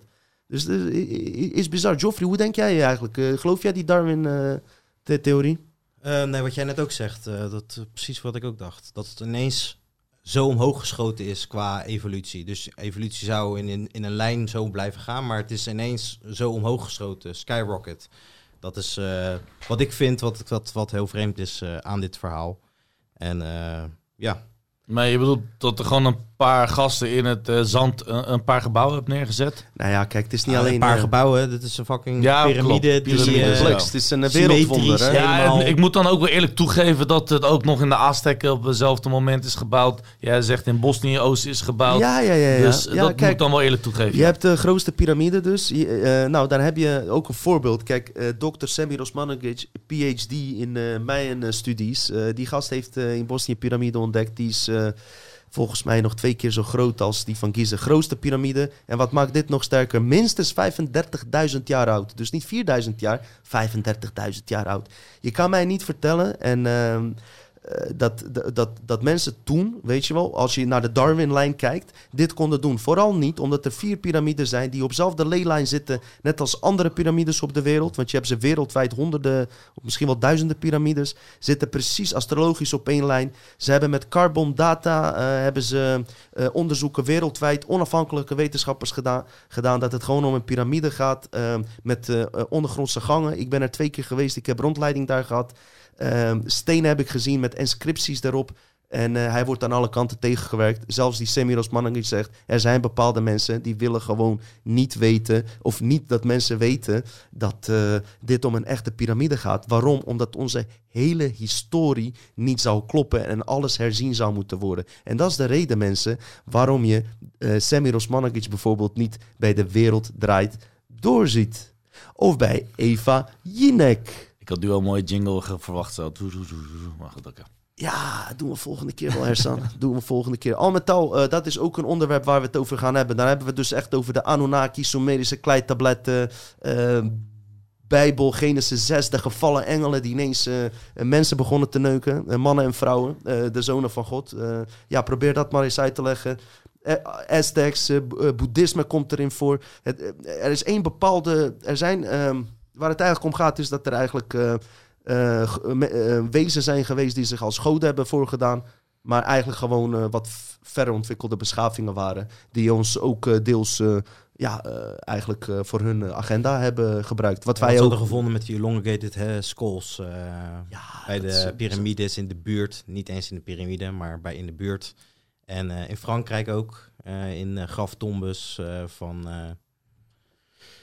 Koninklijk Huis van eh, Frankrijk. Anders zou Steven Spielberg daar nooit films over maken, toch? Jongens, echt eh, Inderdaad, films. En Crystal eh, Skull, eh, dat is een film over inderdaad, ja. ik kreeg eergisteren een ingeving. Het bleef toch altijd aan me knagen. Hoe, waarom, als zeg maar dit echt zou gebeuren, waarom zou het dus het in film zetten? Maar het is ook heel logisch. Als je kijkt hoe je hersenen werken, die moeten dingen die je nooit eer- eerder hebt gezien, of wat je voor onmogelijk beschouwt, die moet je ergens naar refereren. Dus als je dat in een film hebt gezien, en wij beginnen ineens over reptilians en aliens, eh, we zijn zo onder mind control dat je dat automatisch aan science fiction linkt, zeg maar. Snap je? Eh, Mijn geest ook, toen ik David Icke net ontdekte en die gast begon over reptilians. Ik dacht, gozer, alles wat je vertelt hiervoor, daar kan ik me zo in vinden. Maar dat er reptilians bestaan, reptiele wezens die over ons heersen, dat is zo fucking science fiction. Want zo werken je hersenen, weet je wel. Ehm, ik denk dat dat ook de reden is waarom ze dat in die films knallen. zo- zodat je daarmee gaat eh, definiëren. Maar als je dan ook daarin dieper gaat graven. Ook eh, met die bloedlijnen. Ons koningshuis eh, heeft bijvoorbeeld een kasteel die Drakenstein heet. Draak, reptiel. Je hebt die drakenboot. Heb je. Ehm, dan heb De je groene die- draak. de, de groene draak. Wat ik vooral interessant vind, ik weet niet of ik dat hier nog even terug kan vinden, is dat blauw bloed. Dat blauw bloed is dus letterlijker dan je zou denken. Ik ga dat eens even uitzoeken, mensen. Eh, hier gaan we zeker dieper op ingraven. Trouwens, je hebt niet alleen westerse bloedlijnen, 13 bloedlijnen waar we het over hebben. Je hebt ook dus Aziatische bloedlijnen. En een eh, grappige daarvan is dat, eh, dat je via daar eh, ook op blauw bloed dus komt. Ook deze bloedlijnen. wat bedoel jij met blauw zijn. bloed? Blauw bloed, wat ik begrijp aan blauw bloed? Of Nee, jij niet wat jij begrijpt. Ik, ik heb het nu letterlijk over blauw bloed. Deze wezens hadden blauw bloed. Daarom worden die bloedlijnen, die koninklijke bloed, bloedlijnen, of mensen van adel, blauw bloed genoemd. Dus nee, niet wat weet je waarom ik weet waarom mensen blauw bloed Vertel jij jouw verhaal eerst. Oké, waarvan ik weet bijvoorbeeld van mijn wetenschap wat ik nu wel.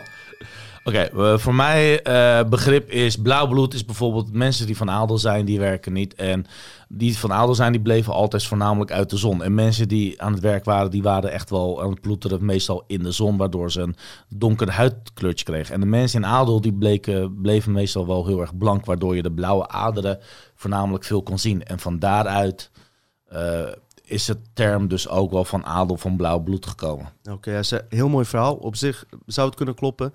Maar eh, ik denk er anders over. Want eh, er is ook blauw bloed in mensen waar helemaal geen zon was. Dus eh, daar kan je wel aan de haak stellen. Er is een mevrouw. Die heet Linda Moulton Howe. En die mevrouw onderzoekt... Die gaat heel diep. Ze heeft hele interessante dingen. Ze is geconnecteerd met insiders die bij de overheid werken. Zij zegt het volgende. Zij heeft met een eh, hele hoge pief gepraat. Het is een hele interessante vrouw. Ze is al 40 jaar in de ufologie. Ze komt van de mainstream... Ufologie. Dat is een nieuw woord voor mij. Ik weet sorry. niet. Ik, Oké, ja, ik oké. weet- ja, het bestaat waarschijnlijk. Maar goed, eh, mevrouw heeft heel veel eh, waarde als journalist. Want eh, ze heeft Emmy Awards gewonnen. Ehm, ze ontdekte dit UFO-ding en eh, ze is hier 40 jaar mee bezig. Roswell-verhaal komt allemaal later in de podcast. Goed, eh, wat zij vertelde is iets opmerkelijks, is het volgende.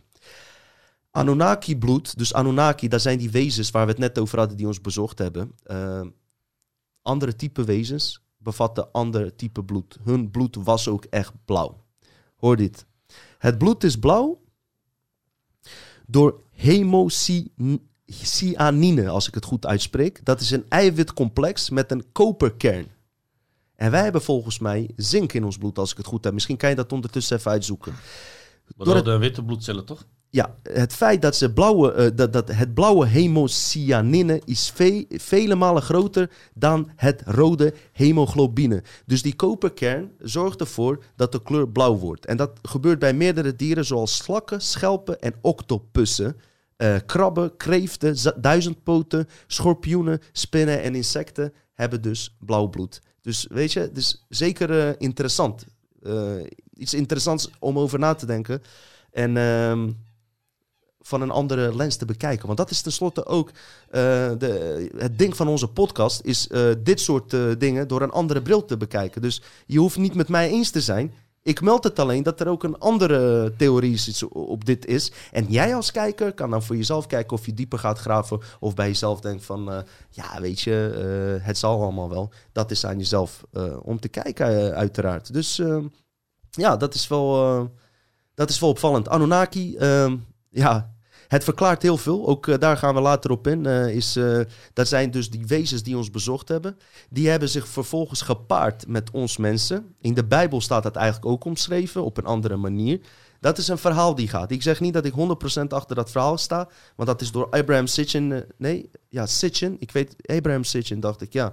Vertaald. Eh, in eh, latere versies bleken er ook fouten. Maar essentie, wat wel klopte, is dat, het, dat die kleitabletten, Sumerische kleitabletten, die oudste geschriften die zijn gevonden, daaruit bleek dat die goden ja, gewoon met technische apparaten hier kwamen. Dus echt met apparaten die, die als ufo's konden worden omschreven, weet je wel. En dat die wezens gewoon een interventie bij ons hebben gepleegd door eh, genetische onderzoeken en hun, eh, eh, zeg maar, DNA met ons vermengd heb- hebben. Dus de, God maakte zich, de, de mens, naar uiterlijk van zichzelf. Daarmee zou je het kunnen zeggen. En daardoor hebben we onder andere dat reptiele brein gekregen. Weet je daar iets van eh, trouwens, Ersan? Of Joffrey, eh, reptiele brein, eh, bij jou is dat wel bekend. Ersan gaat mensen ondertussen uitzoeken of ik eh, gelijk Ja, heb of nee, niet. Hij gelooft mij nooit. nee, nee, ondertussen nee, kan de- Joffrey iets vertellen over reptiele brein misschien. Dit is freestyle, wij zijn vrije sprekers. Ik ben Dino Saraj, de ruitheer. Hier is Joffrey. En daar is Ersan, die zoekt nog wat dingetjes eh, op. Ondertussen kan jij je aanmelden of niet? Boeit mij dat nou? Op Dutch Matrix. Joffrey vertelt wat over reptiele brein. Over het reptiele brein, ja. Ehm, een, achterin eh, ons hoofd zit het reptiele brein. En het reptiele brein is ervoor voor, eh, voor, ja, dus, is voor meer dingen, maar ook voor het eh, dat je gaat eh, vechten, vluchten of bevriest. En dat, eh, dat verzorgt dat eh, stukje brein. Eh, ik heb het hier al eens mee over gehad over eh, mensen die eh, psychologie eh, bestuderen. En die zeiden van, oh ja, je kent dat ook. eh. en de dingen die ik hun meldde en vertelde over, eh, over dit, zeiden ze van, ja, maar dat wordt eigenlijk ook beschreven in onze psychologieboeken. Maar eh, jij hebt toch wel een andere visie erover. Omdat ik dan dat linkte met eh, die Anunnaki. Toen zeiden ze toch van, ja, dat is toch wel interessant, dit, dit soort stof. Ja. Laatst een gezamenlijke vriend van ons, Ersan kent hem wel. Ik zal zijn naam maar niet noemen, want weet je, misschien wordt hij ontslagen als ik zijn naam zeg. In ieder geval, op zijn werk hadden ze een training, zeg maar. Ging onder, onderbewust, over onderbewustzijn en eh, dingen onthouden. En eh, op een gegeven moment linkte hij dingen uit mijn boek, weet je wel. Dus die training, eh, de, degene die training gaf, hij zei tegen diegene van, ja, maar dat, dat en dat heeft met reptiele brein te maken. In onderbewustzijn, die, die, Nou, ik die de hele op. tijd reptiele brein. Ik vind het echt persoonlijk nog bullshit. Ik geloof echt in dat het een zoogdierenbrein is. Want wij zijn uiteindelijk Eh, zoogdieren. Het gaat om instinctus. Oké. Maar goed, dat is, dat is iets Reptiele, wetenschap. re- reptiele brein is een medische term. Zou jij misschien ondertussen even gewoon reptiele brein in kunnen typen? Ja, gewoon, heb ik gedaan. Wat staat er over reptiele brein? Kan je Dat dat, staat even over? Wi- Wikipedia. Ja, ik kan Wikipedia gaan lezen, maar dat kan iedereen gaan lezen Oké, en zoek eens even ondertussen iets wat een mainstream wetenschapper weet over reptiele brein. Al met al, deze jongen, eh, zeg maar, doordat hij iets wi- wist over het reptiele brein, hij zei tegen mij, Dino, iedereen van mijn collega's stond zo verpap van hoe de fuck eh, weet jij dit en waar de fuck heb je het over? En die mensen zijn daarna, na die training, nog naar hem toegegaan en zeiden van, hé, hey, waar heb je die informatie uit? Het is interessant, want sommige dingen linken wel uit, met, met onze dingen. Heb je het gevonden? Ja, je reptiele brein is de kleinste en de oudste deel van je hersens. Het is gebrand op maar één ding, overleven. Dit deel van je brein denkt niet na over onthouden of niets. Het reageert puur instinctief en automatisch. Als zodanig functioneert de reptiele brein buiten je bewustcontrole. Maar waarom? Hebben zoogdieren nooit instincten gehad? Ik geloof nog steeds in dat het een zoogdierenbrein is. Uiteindelijk maakt het niet uit of het reptiel of eh dinges is. De functie blijft hetzelfde. Dat is gewoon Maar beetje wat je beestje het naam geeft, Wat je eh. beestje het naam geeft. Reptiele brein heet niet voor niks reptiele brein. Je kan het zoogdierenbrein noemen. Maar het feit is dat die Anunnaki reptilians worden genoemd. En dat ze genetische manipulatie hebben ge- eh, gedaan. En een deel van hun in ons hebben gestopt. Dan is het toch logisch dat je zou kunnen denken dat daaruit Dat is een zwaar complot. Dat is een zwaar. Daar moet je eerst in geloven dat er.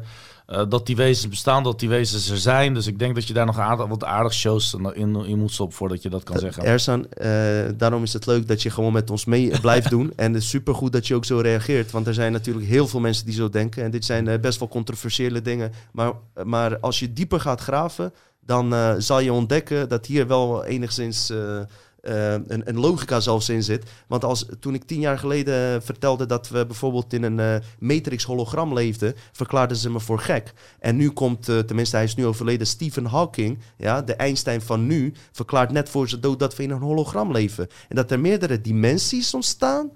En dat hij overtuigd is van het bestaan van buitenaardse intelligentie. die het niet per se goed met ons voor eh, hoeven te hebben. Waarom zouden dat die reptilians niet kunnen zijn geweest? Dat zij een soort van designers of de heersers waarom? Waarom? van Waarom? deze matrix zijn. Waarom zou dat niet kunnen? Ik zeg niet dat het zo is, maar Nee, waarom zou ik het niet ik, kunnen? Ik, zeg daar, ik ga daar absoluut niet op in. Als er oude geschriften zijn met uh, uh, reptiele afbeeldingen. Als je kijkt naar Adam en Eva verhaal met de slang, reptiel. Um, er zijn zoveel voorbeelden. En misschien Joffrey uh, dat hij ergens kan in, inspringen. Je hebt dat reptiele brein. draco's, ehm, draconische rassen, weet je wel? Dracoon, Die draken draconische in, maatregelen bedoel je? Nou kijk, ik heb het net weet je wat over... draconisch betekent? Nou?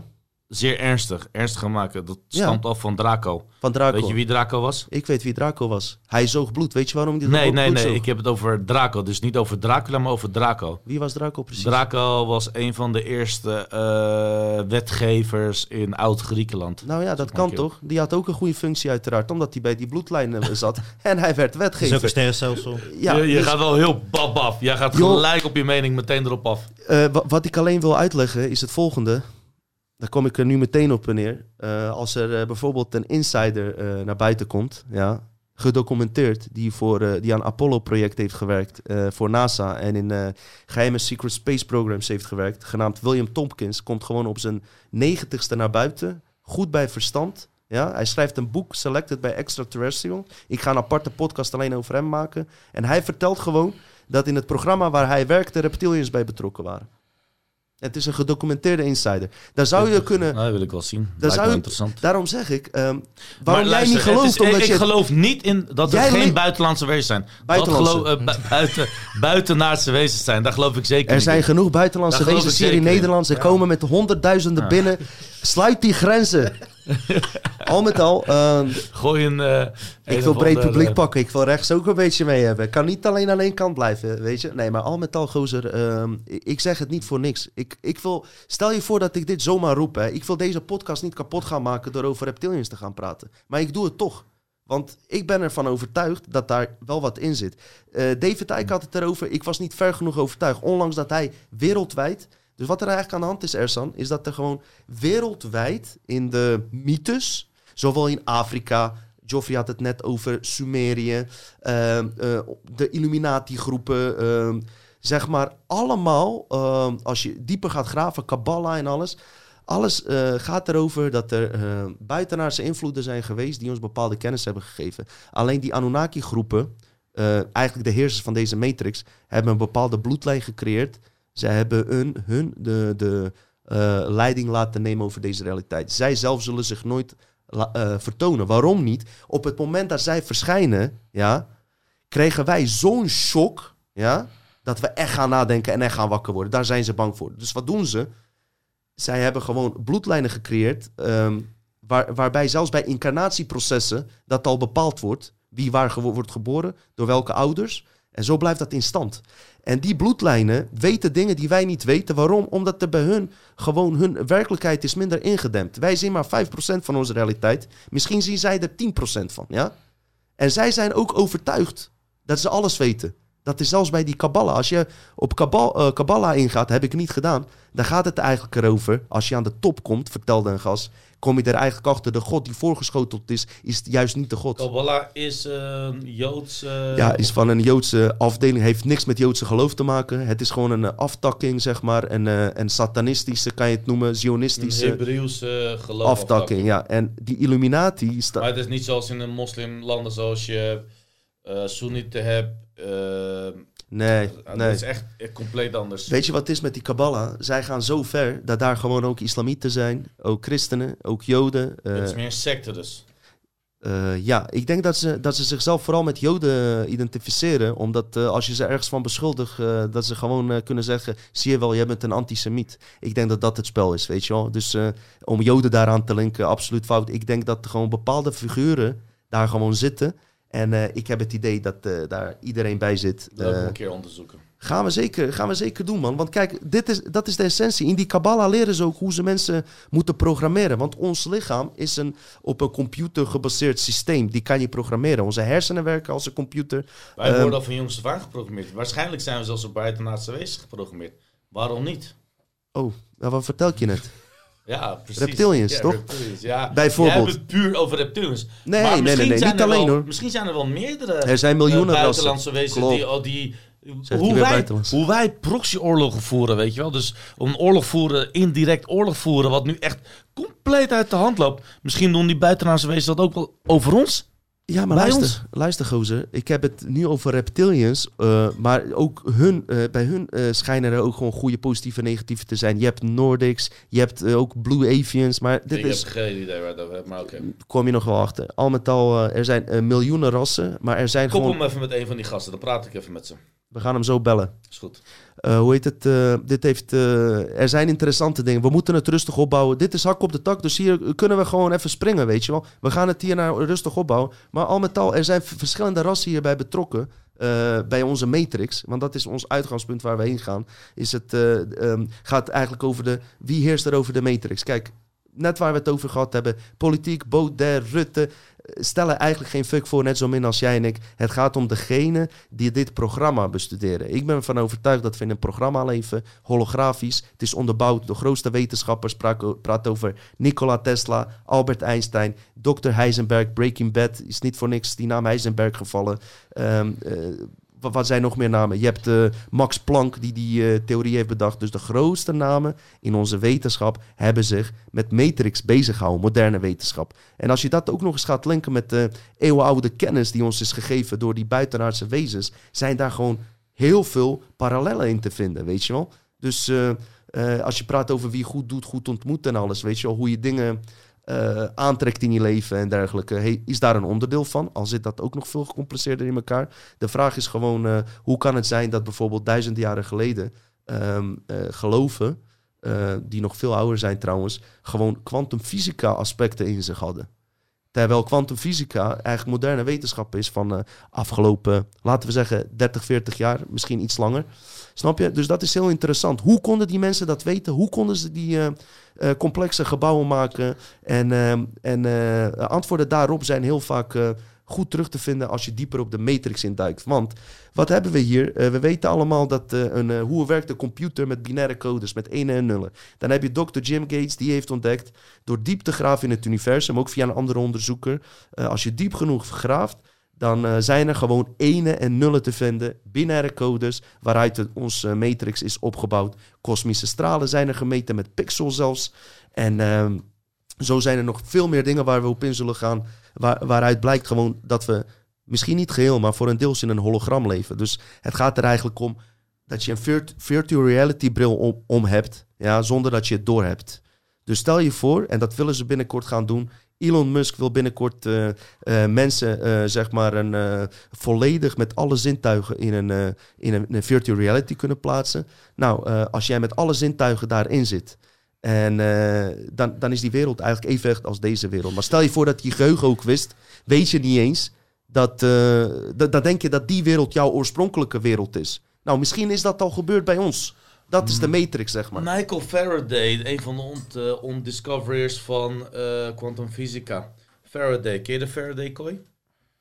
Eh, eerlijk gezegd niet, maar eh, heel veel mensen eh, beweren dat ze Matrix hebben uitgevonden. Max Planck is de ontdekker van Matrix. Al, ik weet niet, die gast is uit 1900 ja, nog. ontdekker 18. of uitgevonden? Wat, wat, Ja, nou, hij is de eerste die ontdekte dat onze brein eh, deze matrix in stand houdt. En hij, hij is de eerste die kwam met die term matrix, zeg maar. Hij is hij ook met concrete bewijs gekomen of is hij alleen theorie Ja, gekomen? ja eh, hij heeft volgens mij met, eh, met licht iets bewezen, met fotonen. Ik, ik weet het niet zeker. Ik, kijk, daar, daar moet je echt een goede wetenschapper voor hebben. Wat ik wel weet, is dat zo en zo voor die gast die jij net opnoemt... Albert Einstein, David Bohm, Dr. Nou, dit, Heisenberg... is, dit is 1838, hè?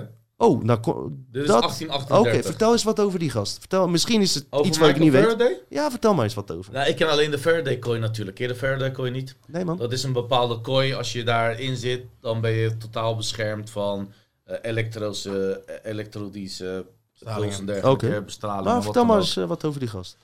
Over Michael Faraday. Oké. Nou ja, dit is, maar volgens mij moeten we een beetje... eh, we zijn nu al anderhalf uur verder. Gozer, Oké.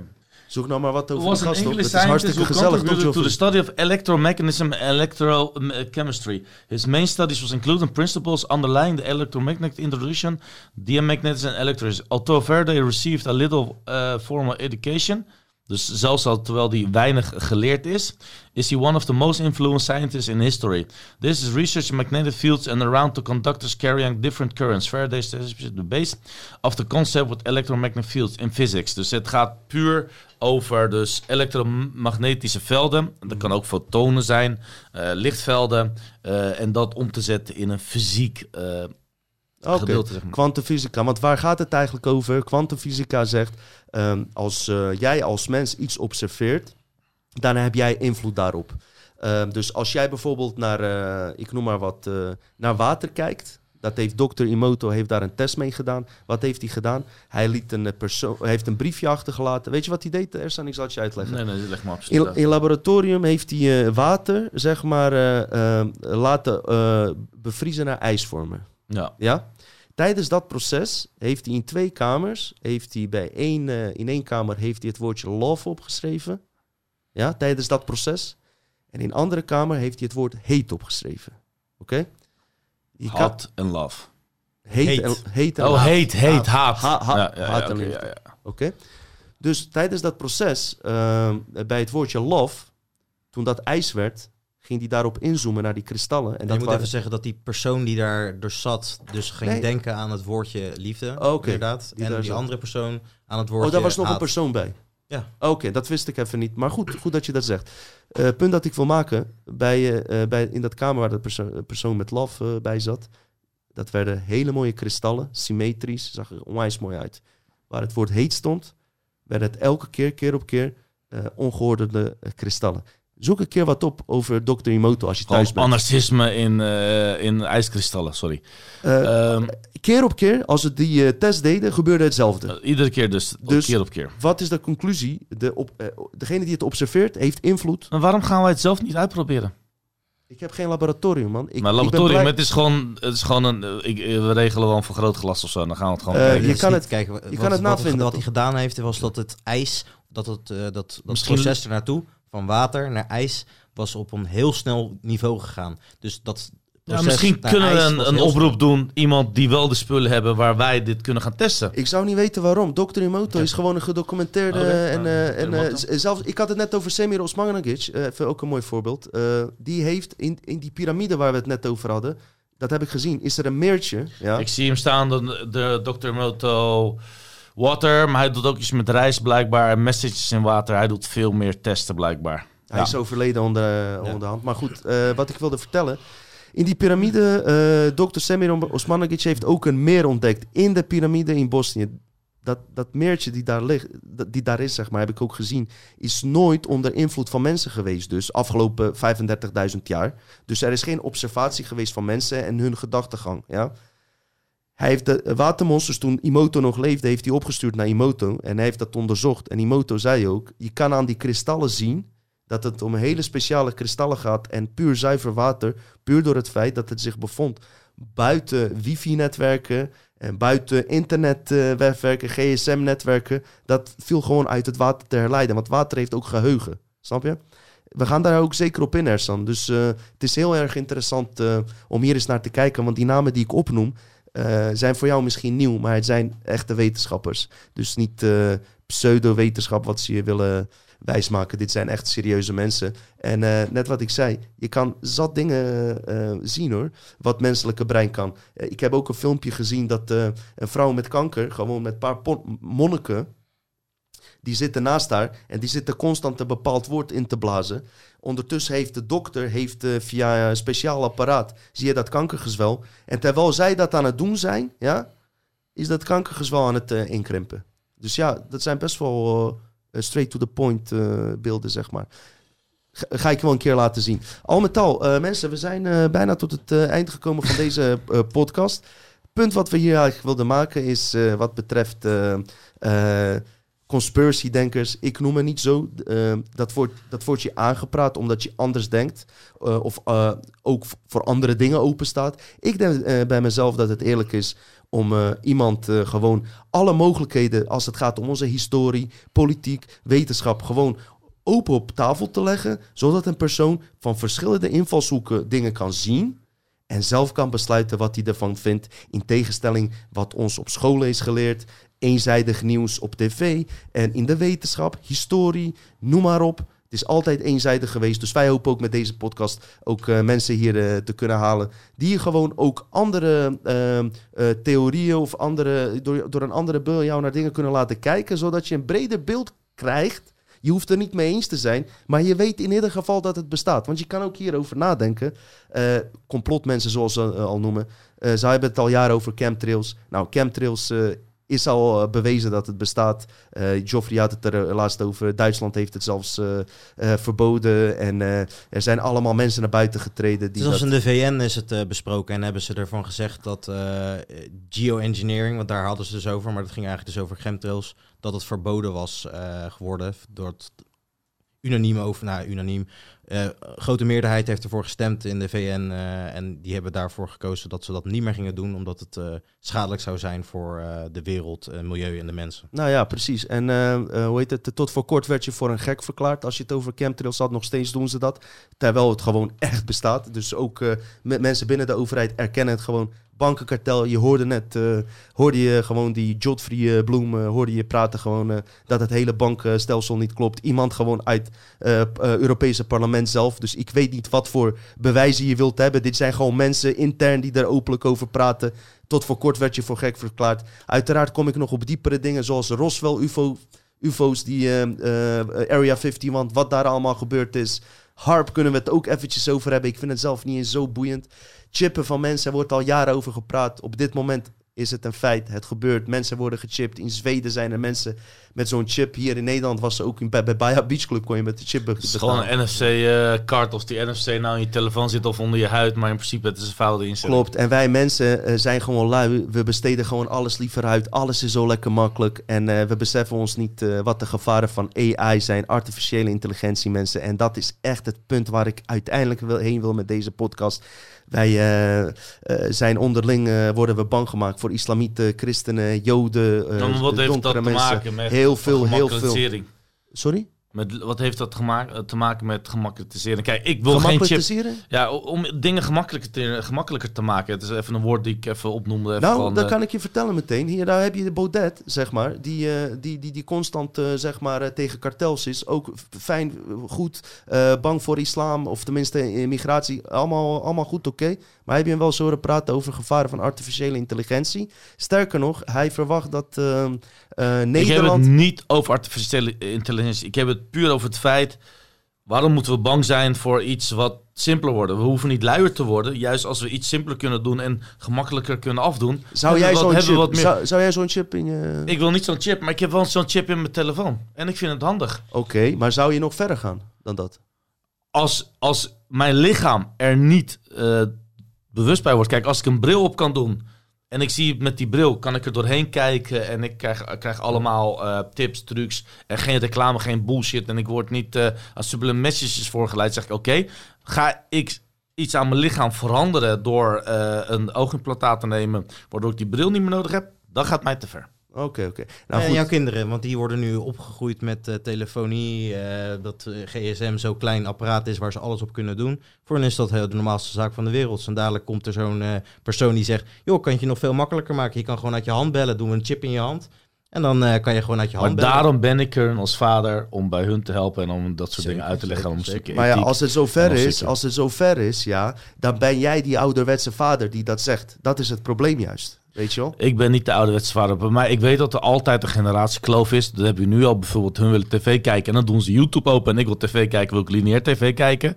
Dus er is natuurlijk een generatiekloof. Maar in geval van eh, raadgeving eh, en eh, het opvoeden van een kind...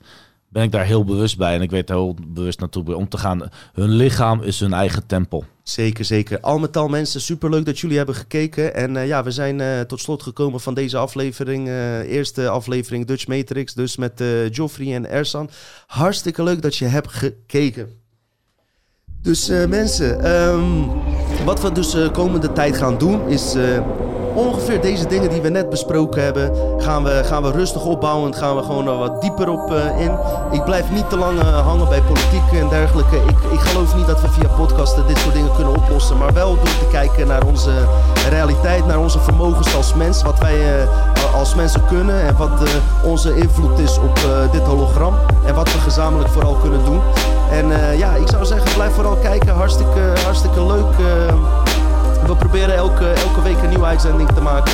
Wie weet nog wat meer uitzendingen. En eh, ja, eh, we waarderen het heel erg dat jullie naar ons kijken. En eh, we hopen, althans, ik praat nu voor mezelf, maar deze jongens ook, dat je er ook wat aan hebt uiteindelijk. Ja, toch?